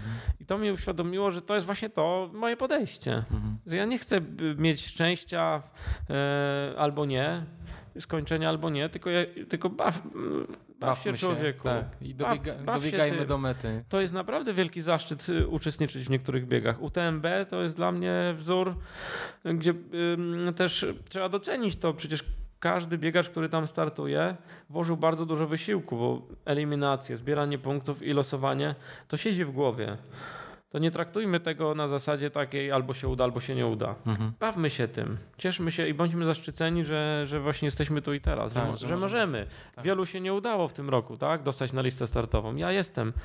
I to no jest... w ogóle bądźmy wdzięczni że ży y, życiu za to, że mamy taką sprawność fizyczną, żeby pokonywać takie challenge niesamowite. Dokładnie. Bo to nie wszyscy też mają taką możliwość, także no to jest petarda. Słuchajcie, dziękuję wam strasznie za wspaniałą rozmowę. Y, dwie godziny, 10 minut minut. Wydaje mi się, że moglibyśmy rozmawiać drugie tyle, bo dopiero powiedzieliśmy o kilku biegach. Ale no to już, to, to już tak jest. Y, e, dziękuję Wam bardzo. My też dziękujemy. Dziękujemy, bardzo przyjemnie się rozmawiało. Aż nie wierzę, że dwie godziny z hakiem minęło. Tak, tak, tak. To, to jest myślę temat rzeka. Tyle przeżyłeś, Krystian, przeżyliście na tych biegach, że to po prostu no, e, obłędna, obłędna sprawa, więc dziękuję Wam bardzo i do zobaczenia na szlaku. Ja, ja tylko zasygnalizuję, bo ostatnio. Coraz więcej ludzi do mnie pisze albo dzwoni, żebym pisał książkę. Aha. Więc być może, być może jakiś taki zarys w głowie pojawił się, żeby z tego, z tego celu ostatniego, czyli World Toura, e, zebrać te myśli i opisać. Bardzo e... fajny pomysł, naprawdę. to, to miło ja, ja słyszeć. Podpisuję się pod... Ja zawsze uważałem, że nie, nie potrafię pisać, ale parę rzeczy napisałem i dlatego te reakcje tak mnie skłaniają. No, że... super. Mega. Zresztą wydaje mi się, że po prostu te historie się bronią same, jakby nie trzeba być tutaj wielkim literatem. Zresztą świetnie o tym opowiadasz i myślę, że na papier przełożysz to równie doskonale. Oby tylko mieć zacięcie. tak, oby czasu starczyło między treningami. Krystian, musisz się tym bawić. Dokładnie. A szachmat. Dobra podpowiedź. Próbujemy. Dobra, dziękuję wam strasznie. Pa. Dziękujemy. Dziękuję bardzo. Dziękuję.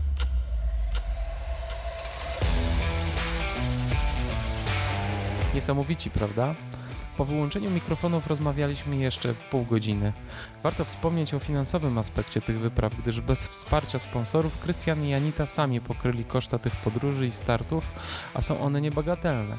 Sama opłata startowa w maratonie piasków to kwota ponad 20 tysięcy złotych, do czego dochodzą spore koszta zakupu najlżejszego z możliwych wyposażenia. Tego typu obciążenia finansowe na pewno nie pomagały w tym wyzwaniu. Co ciekawe, Krystian nigdy nie przekroczył limitu 26 dni urlopu w swojej pracy. Możliwe? Dowiedziałem się również nieco więcej o Anicie. Anita jest dietetykiem i razem z siostrą prowadzi bloga Kulinarna Strona Mocy. To tylko pozornie blog kulinarny, tak naprawdę, jak same mówią, to blog o tym, jak lepiej żyć, a jedzenie jest jedną z dróg do lepszego życia. Krystian i Anita pokonując biegi UTWT zebrali materiał na trzy takie dwugodzinne podcasty.